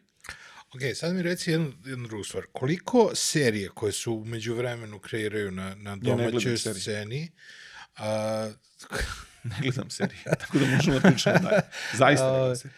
htio, koliko neka ono kinematografija koja se napravi o nekom istorijskom periodu, a koja je bazirana na ovaj, zamuti vodu i Pa, to, to ovaj, je najbolji napravi... primjer je ono što je bilo u Jugoslaviji i socijalističkoj Jugoslaviji 70. i 80. godina. Mm. -hmm. Da smo mi kompletnu percepciju istorije zasnovali na nekoliko filmova i na dve TV serije. Da, da, u tom, ako tako posmatramo taj fenomen, nema boljeg primjera. Mhm. Dakle, je, ideologija socijalističke Jugoslavije 70. godina de, definitivno samu sebe osvežava i oživljava izuzetno jakom kinematografijom. Mhm. Partizanskim filmima koji nisu 60-ih, nego 70-ih i 80-ih doživljavaju svoj bum.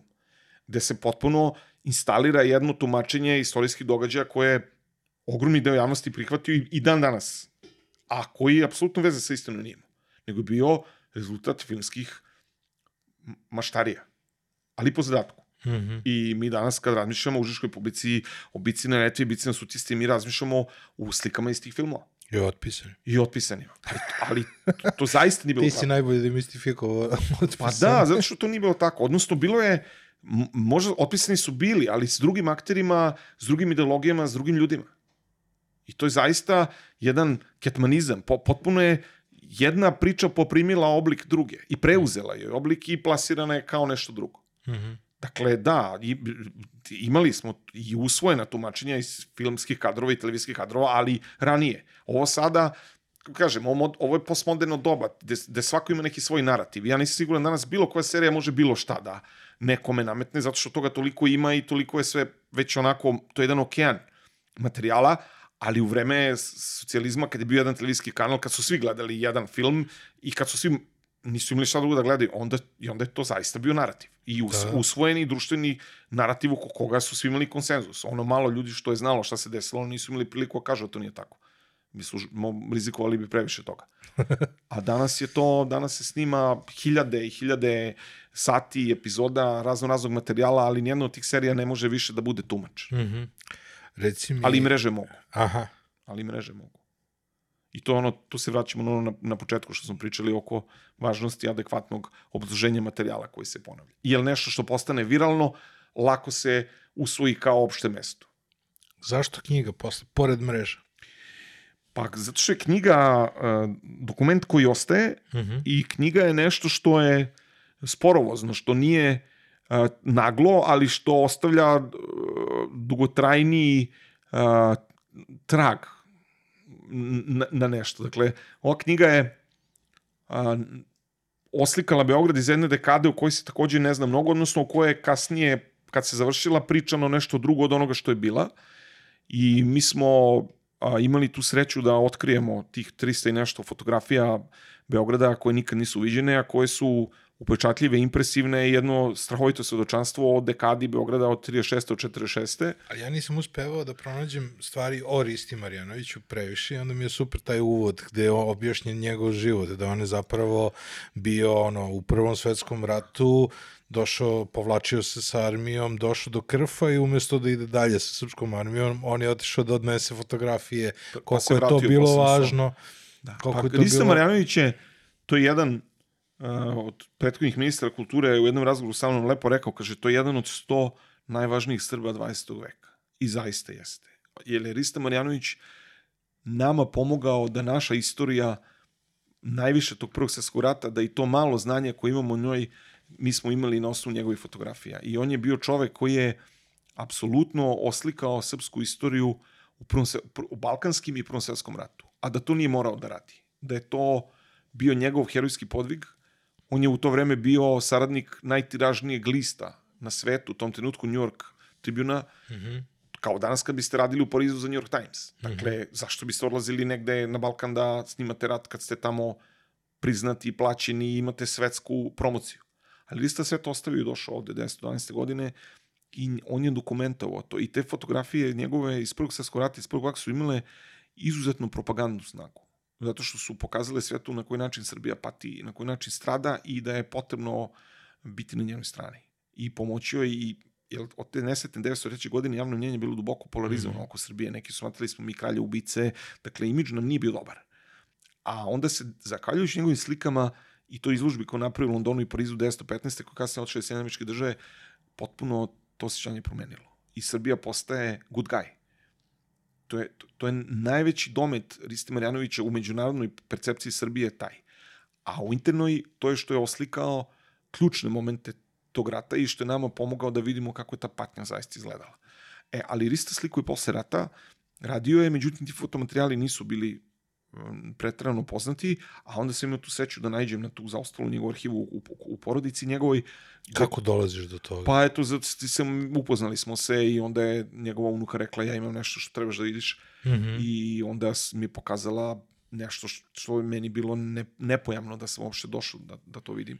I onda smo mi godinama to selektovali, brižljivo analizirali, vodili računa da vidimo šta je tačno na svakoj slici i onda smo sklopili jedan mozaik tih 10 godina u kojima se Beograd najviše promenio u 20. veku. Jer on od 36. do 46. doživljava ne samo urbanističku, on doživljava političku promenu, doživljava ideološku promenu, doživljava jedan lom kakav nikad ranije nije imao.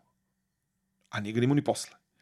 I bilo je izuzetno važno da se objasni šta se desilo s Beogradom za tih 10 godina. I mi smo to objasnili doslovce kao slikovnicu kroz njegove fotografije, koje su pritom najveći u koloru, što je opet, pa koristite svoje vrste mm. za tu epohu, ali približava to vreme onome ko to, ko to čita. Zato što je lakše doživeti kad je nešto u bojama nego kad je crno-belo. I to nisu veštački farbane, kao Tako ovo je, sad drugi kolori. svetski Da, rat u Riste, koloru. da, Riste je bio vrlo progresivan za svoje vreme, on je došao do prvih tih kolor filmova i počeo prvi da snima sa njima, bio je vrlo, ali i zato što on bio prepoznat u svetskim krugovima kao važan fotograf. Za njega su zaista znali u svetu. Ko je trebao da zna, znao je za Ristu Marjanovića. Mm -hmm. On je bio stvarno poznat. I dobio je prve kolor filmove i s prvim kolor filmovima 36. počeo snima Beograd. I mi kad smo to našli, ja i dvojica uh, kolega, mi smo shvatili da pred sobom imamo fa fascinantnu stvar, da imamo prikaz Beograda, to nije samo prikaz fotografije, to je prikaz sudbine.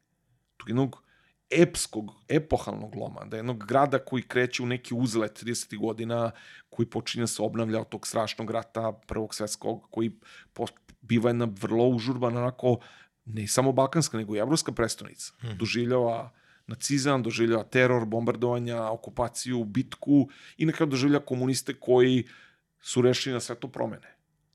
I tih deset godina kroz istin objektiv mi vidimo jednu, ovo da je pisano perom, ovo bi bili, ja ne znam, ono, možda najepohalniji roman u Beogradu ikad napisan.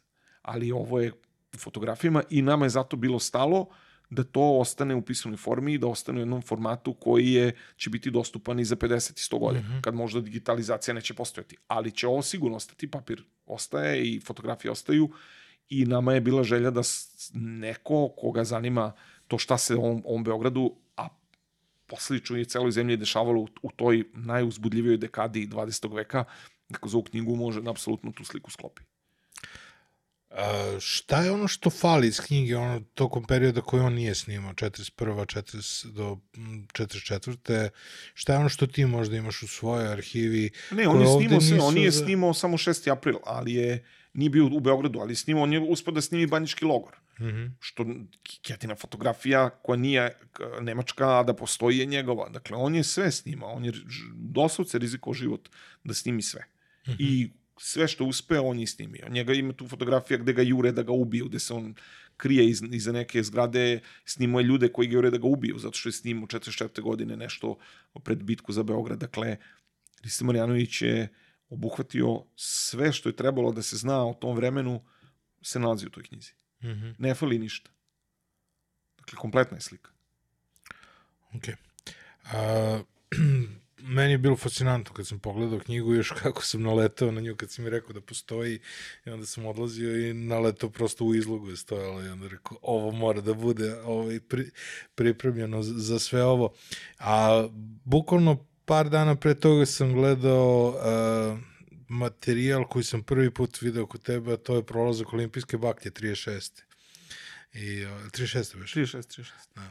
A, I to mi je fascinantno kako je osmišljen a, ceo taj prenošenje olimpijskih baklje da je u stvari a, potpuno osmišljen od strane Goebbels. Da, pa zna se za to. To je, da, to je opšta, opšta stvar. To je čitav taj ceremonijal. Nacisti su bili društvo spektakla, kako ih je ovo kako je kasnije to definisano i francuski mislilac Debor. Dakle, to je bilo društvo e, zasnovano na zaslepljenosti, mm -hmm. ritualima, spektaklom, bojama, uniformama i onda je u tom e, olimpijada je njima izuzetno bila korisna u, u tom kontekstu, a osmislili su da se, pošto oni tvrdili da su obsednuti antičkom mitologijom, da je e, ta baklja kao da kreće iz Olimpije pa da dolazi do Berlina i na tom putu je prošla kroz Beograd. To je jedna fotografija koja se u poljskom jednom arhivu nalazi, a, ne znam ko je snimio, ne znam ko je autor, ali sam je našao na- u poljskom jednom muzeju Mm -hmm. i njihovom arhivu i onda sam je objavio zato što je zanimljivo jer se vidi ono tadašnji Beograd i vidi se ta atmosfera tog prolaska te baklje i svega, ali je to dobro dokumentovan događaj, znači o tome se dosta zna i Pa i trebalo bi onaj film Olimpija kao da... Pa Olimpija je snimljena, da, Leni Riefenstahl je snimila na toj olimpijadi tu A je baklju kad snimljeno samo na olimpijadi? Samo na ili olimpijadi, da. Nisu Da, da, imali da. ono kao ekipu Ne, ne, ne, da u Berlinu je prati... snimano, ali, ali su Nemci snimali, pa i na toj fotografiji se vidi kamera, filmska kamera koja to Aha, se snima, aha. to je nemačka kamera, oni su- u njihovim žurnalima se taj materijal može da se vidi na danas. Ja mislim da ga čak možda ima na YouTube. Reci mi period koji takođe dokumentuje što je posle ovog perioda iz knjige do, do, do savremenog doba. Šta je još nešto što onako... Što, Pa, što Risto Marjanović je tu uspeo da snimi jednu fascinantnu stvar, još jednu od fascinantnih stvari koje se tu naziva, to su žrtve komunističkog terora u Beogradu u 44. godine. Mhm. On je našao jednu grobnicu u Košnjaku gde su bili po plitkim grobovima ljudi sa vezanim rukama žicom na leđima, za koje se znalo da su ih ubili partizani noć pre toga. On je tu i napisao na pozadini fotografije i uspio je da snimi patrolu Ozne u trenutku dok lovi Ovi se ne Beograđane. šale. Ovi se ne šale, da. On je to napisano, ovi se ne šale. Jer je to za Beograd bilo nestvarno da posle nacističkog terora a, i, i posle te slobode za koju svi dolazi novi teror. Mhm. Nacisti su ubijali patriote i ovi su bili neke patriote. Znači nisu bili samo naciste i kvislinge, nego su ubili neke druge ljude. I Beograd, je zaista bio u šoku tih nekoliko meseci tog revolucijnog terora koji je trajao do nove godine 45. masovno, a posle toga pojedinačno, Beograd je to doživeo vrlo traumatično i bolno i Rista je uspio i to da snimi. Ne toliko često, ali jeste. Snimio je uh, odrede koji love ljude, snimio je žrtve, snimio je, ta, čak njegova fotografija banjice, a, veća je šansa da je snimljena u vreme kada je ona radila kao logor pod Oznom, 44. godine u novembru i decembru, nego što je da je to snimak iz nemačkih vremena. Mhm. Dakle, i zato što ima tragova borbe na zgradi koja nije, koji nisu postojili u vreme kad je, su Nemci vodili logor. A na Dristovoj fotografiji se vidi da je zgrada oštećena. A što je moglo da se desi samo u toku borbe Za za Beograd. bitke za oslobođenje Beograda. E, i snimio je neke žene i muškarce koji ispred logora čekaju vesti o svojim najmilijima. Dakle, komunisti su, to, to su strašne stvari, ali sistem nemačkih logora, nacističkih logora u Beogradu, komunisti su držali u funkciji još mesecima posle oslobođenja. Sajmište je isto bilo logor. Mhm. Iako je bilo napušteno oktobra 44 po povlačenju, oni su ga stavili u funkciju. Pa su tamo a, hapsili Nemce iz Zemuna, Folzojčere i tu ih, čak su neki tu i stradali, tu su bili ubijani. Mhm. Banjica je funkcionisala isto. Zatvori nemački i specijalne policije su isto funkcionisali. Taj komunistički teror je jedna od strahovitih epizoda istorije Beograda i o tome mora da se sve zna. Dakle, oni nisu ubijali samo one koji su možda morali da budu ubijeni, one ljude koji su za vreme rata pod Nemcima ubijali ljude, koje nijedan sud na ovom svetu ne bi oslobodio smrtne kazne u tom Mhm. trenutku. Ali su ubili hiljade ljudi koji zaista nikom nisu bili krivi. Ali su oni pravili socijalni inženjering, oni su pravili socijalnu revoluciju i smatrali su da ukoliko ne ubiju određene grupe stanovnika i određene ličnosti, da ta njihova revolucija ne može da uspe. Mhm. I, nažalost, to se danas ili negira, oni koji su po, pobornici i poklonici te komunističke ideje to danas stražno negiraju, pa smo imali strahovitu činjenicu da su fotografije tih žrtava iznad one jame pre neki dan bile oskrnavljene nekim parolama i natpisima. I s druge strane imate one koji ne vole komuniste pa pričaju o desetinama i stotinama hiljada ubijenih u Beogradu, što takođe nije tačno. Ali... To je opet ono polarizacija sa Da, početka. polarizacija, ali to ne znači da se to nije desilo i ne znači da nije bilo bolno i strašno. I to glavno petim kako biti objektivan. Pa teško je biti objektivan, ali objektivnost je ono jedino što može da nas spasi. Znači mi danas to moramo zaista da gledamo na drugi način, da smo mi svi bili žrtve ideologija i nacističke i komunističke, a da je ovaj narod u stvari samo želeo da bude slobodan Mm. i da ne bude maltretiran. A taj deo mi nije jasan. Šta je tačno, ako gledamo iz ugla sada, znači imali smo različite te neke dimenzije uh, gledanja na, na državu feudalnu, pa kao naciju, pa ovo, pa ono. Pod okupacijom, šta je država? Da li je to narod? Da li je to, ako se kaže Srbija ili da se kaže Srbiji, ili, znaš, šta je, Ma, pod šta je ko nije- radio pod nije okupacijom? država. To Nedić je bio jedna tragična marioneta koja je za račun nacista potpuno sebe zauvek istorijski diskreditovala i stavila se na crnu stranu dok postoji pamćenje, on će biti na crnoj strani i to je tako. Pritom je to čovek koji je imao neku određenu auru herojsku iz Prvog svjetskog rata, ali je napravio pogrešan odabir i to je zauvek značio njegovu diskreditaciju. Ali država nije postojala. Dakle, Srbija je bila vojno okupacijna oblast. To. Nemci su je tako tetirali i Nedić je bio tu, njegova funkcija je bila samo da održava kakav takav red. Dakle, na, nacisti su sa Srbijom imali tu refleksiju iz 1914. te nužne odmazde nad Mm. Srbima, što je Austro-Ugarsko radila 1914. To se isto ponovilo 1941. Ali najviše ih je zanimala privredna eksploatacija. Dakle, zanimali su ih rudnici, jer su iz nekoliko rudnika u Srbiji dobijali ključne rude za funkcionisanje kompletne industrije tečka. Tema nikad aktuelnija. Pa ja ne volim da pravim paralele sa, sa, sa između prošlosti i sadašnjosti, zato što smatram da to nisu stvari koje mogu da se porede, ali može da se razume taj proces njihov da oni iz Bora, iz Mitrovice, iz Zajače i još nekoliko rudnika vrše punu eksploataciju ruda, bakra, antimona, hroma, molibdena, koji su bili ključne rude za ratnu industriju. A, železnica im je izuzetno važna i ono što je najvažnije je bio protok nafte iz naftnih polja u Rumuniji koje su Dunavom išle, opet Dunavom, Vertikala. išle na preradu u rafinerije koje su se nalazile u Budimpešti i Beču. Dakle, i u Bratislavi. Dakle, u Rumuniji nije bilo prerade, bilo je samo vađenje, a onda su barže tu naftu... I Nemcima je to bilo stalo, da imaju, da kopaju rude, da ta železnica i Dunav funkcionišu i da ih niko u tome ne ometa. A Nedić je bio zadužen da pobunjeničke grupe taj ustanak koji je buknuo 41. bio veličanstven. Znači, on je bio strašan, don- doneo je strahovite žrtve i odmazdu, ali je u svojoj srži bio fantastičan, zato što je to pokazao da Srbi nisu tu okupaciju i da su se otvoreno oružjem suprostili Hitleru u trenutku kad je on zaista celu Evropu i deo Afrike i ne znam šta držao pod svojim čizmom, da su Srbi ipak rekli ne i da su pucali na, na nemačke vojnike, da su oslobodili neke gradove, neka mesta, da su uništavali vozove, vojne transporte, transporte ruda i da su to uradili sami, da im to niko nije rekao. Ono su komunistima rekla Moskva, ali monarhistima nije rekao niko, oni su sami krenuli. I onda su rekli, bili smo već okupirani, pobedili smo vas 1918. i nećemo da vam dopustimo da 41. nas ponovno držite okupiranim. I taj ustanak je izazvao svoj kod Nemaca i pokazuje mi da ta eksploatacija ruda i nafte nije sigurna. I onda su oni zaveli strahovite mere represije i između ostalog Nedić je bio deo toga. Dakle, Nedić nije postao kod država, iako se zvala srpska vlada, ali to nije bila vlada ni na jedan način, a, osim da služi za to, za suzbijanje ustanka i održavanje u onolikoj meri reda da bi ti transporti nemački mogli ne, neometano da se kreću, što je Nemcima bilo jedino suštinski važno kad je Srbija bilo u pitanju. Mm -hmm. I bavili su se jednom stvari koja je zaista bila zaboravljena, ali je bila veličanstvena, a to je prihvat izbeglice iz NDH.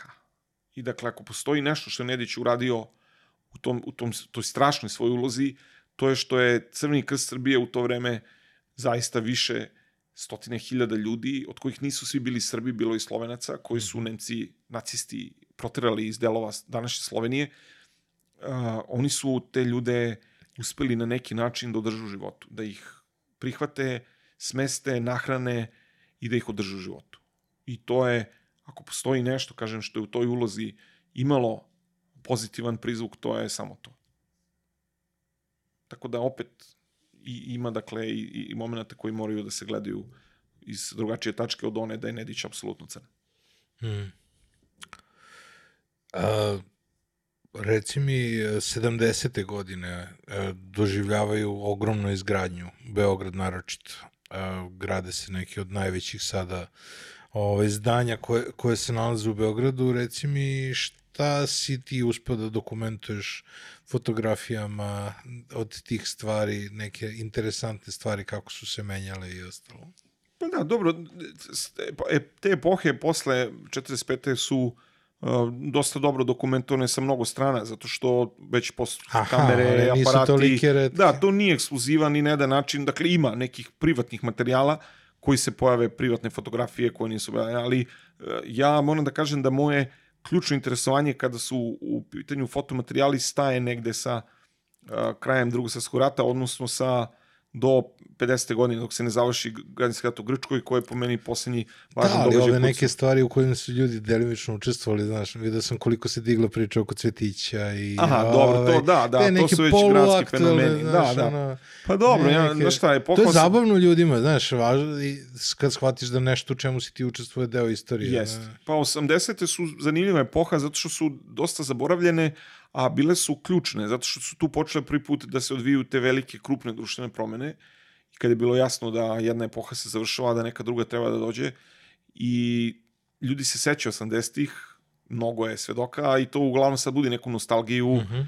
na, ne znam, neku garderobu, neke stilove, neku muziku, neka mesta, i posebno, a posebno dobiju na značaju kad se zna da su ih zamenile 90. Mm -hmm. sa svim užasom koje su donele. I nekako, kontrastirane naspram 90-ih, 80. tek počinju da sijaju nekim svojim sjajem, a tek iz ove perspektive sada.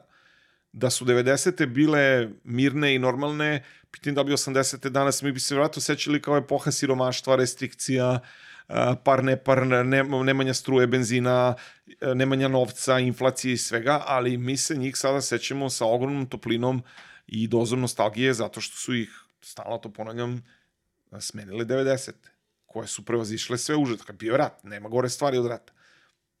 I ja sam to se tako usudio da se po povremenu piše nešto u 80-im, zato što sam bio i jako dosta mlad, ali bio sam akter i svedok nekih stvari i sećam se dobro tog vremena, a opet sam s druge strane do sada naučio da razaznam šta je to što me lično i emotivno mm -hmm. nosi, a šta je zaista bilo pravilo te epohe i onda sam ovaj pisao o tome na, na nekim sajtovima i objavljivao neke priče i mislim da to kod ljudi, opet kažem, izaziva tu nostalgiju samo zato što je to je po, poslednja lepa epoha. Mm -hmm.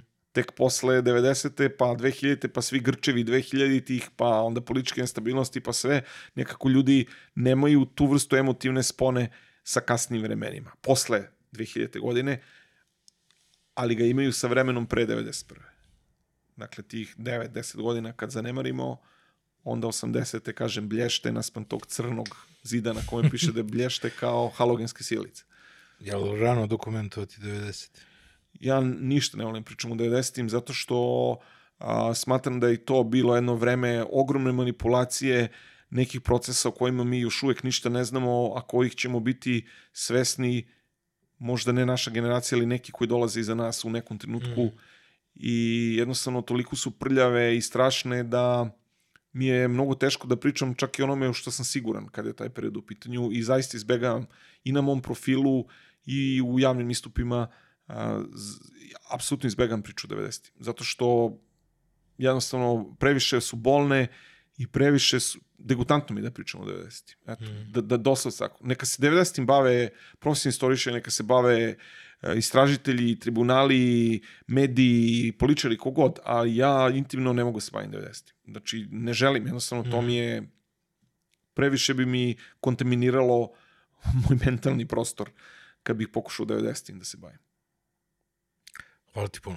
Hvala tebi skupljamo još materijala pa pravimo novu, e, novu emisiju gde mogu da slobodno napravi reklamu. Da, ok, to je izdanje službenog glasnika, službeni glasnik izdavač ove knjige, on se pojavila u junu mesecu u tiražu od 1000 primjeraka. Koliko imam informaciju, ve, najveći od tiraža je već prodat ekstra. Da. prelepe su slike. Znači, pa, zanimljivo je i vrlo je kvalitetno odštampana i izdavač se baš Opisi potrudio. su malo suviše sitni, o, ispod slika. Ali... Da, zato što smo mi želi da damo, da svaka da, slika da ima opis što, da. i da bude i na srpskom i na engleskom, zato što smatramo da je važno da možda i neko ko živi u inostranstvu, da, da, da svoji deci ili unucima koji više ne govore srpski, da može da im pokloni tu knjigu da neki ljudi koji više nisu tu, da kaže mogu da je i svojim prijateljima, ako neko živi u Vašingtonu, pa ima neko da prijatelj, mm. pa možda želi da mu...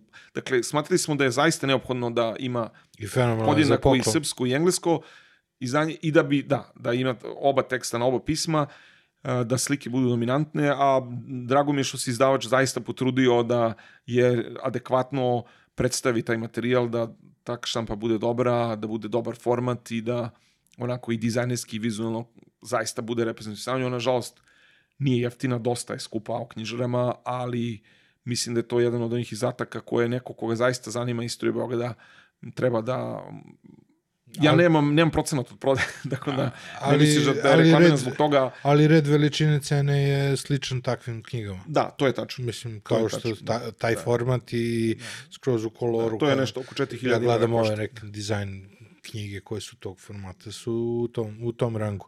Uh, spremaš nešto novo? Da, imam jednu ideju, ali nisam siguran da li ću je realizovati, ali bih to voleo. Moram da se, ovo, je, ovo mi je uzelo šest godina, ako wow. moja druga bude uzela šest godina. Ovo, htio sam da napišem e, biografiju Milana Oklopđića, pisa, uh. -huh. za jednog od one zaboravljene uh, dece Beogradskog asfalta koji je bio veličanstven u jednom trenutku i koji je zaista bio slomljen od mhm. strane mm. tadašnjeg establishmenta, a ostavio je fantastičan trag, to na knjiga California Blues, na koji su generacije moje i malo starije i malo mlađe odrasle. Mika je, nažalost, potpuno zaboravljen. Tek sada, evo pre par meseci, moj grad Beograd odao priznanje, dodeli su je naziv jednom parku mm -hmm. na bulevaru Kralja Aleksandra po njemu, što je mene duboko dirnulo i zaista sam ono bio presjećan da je neko posvetio pažnju i da se setio ali Mika je generalno neadekvatno i neprovedno obrisan i zaboravljen odnosno na to koliko je važnosti ulogu u jednom trenutku imao i ja sam intimno negde vezan za ta neka, njegove knjige i zaista bih voleo ako bih se odlučio da nešto ponovo nešto radim, prva i jedina ideja koju imam je da uradim njegovu biografiju da jednostavno tog čoveka kao što smo Ristu na neki način vratili iz zaborava, mm. da je Milan Oklopđića zbog onog što on uradio za Beograd i njega negde izvučem iz zaborava. Hvala puno. Hvala tebi, June. Hvala vam što ste gledali još jednu epizodu, još podcast 1. Uh, želim da se zahvalim svima vama koji ste ostali do kraja, to znači da vam se dopalo uh, potražiti knjigu uh, Neviđeni Beograd u objektivu Rista Marjanovića, gde je jedan od autora moj današnji gost. Želim da se zahvalim našim sponsorima, Beans Coffee, uz koju sam razgovarao sa Banetom danas, i MVP Workshopu, studiju koji razvija budućnost u Beogradu, na blockchainu, ako želite da radite takve neke stvari, linkovi do, njih, do njihovih stranica su u opisu podcasta. Hvala vam, vidimo se sledećeg četvrtka. Ćao, čao, bye bye.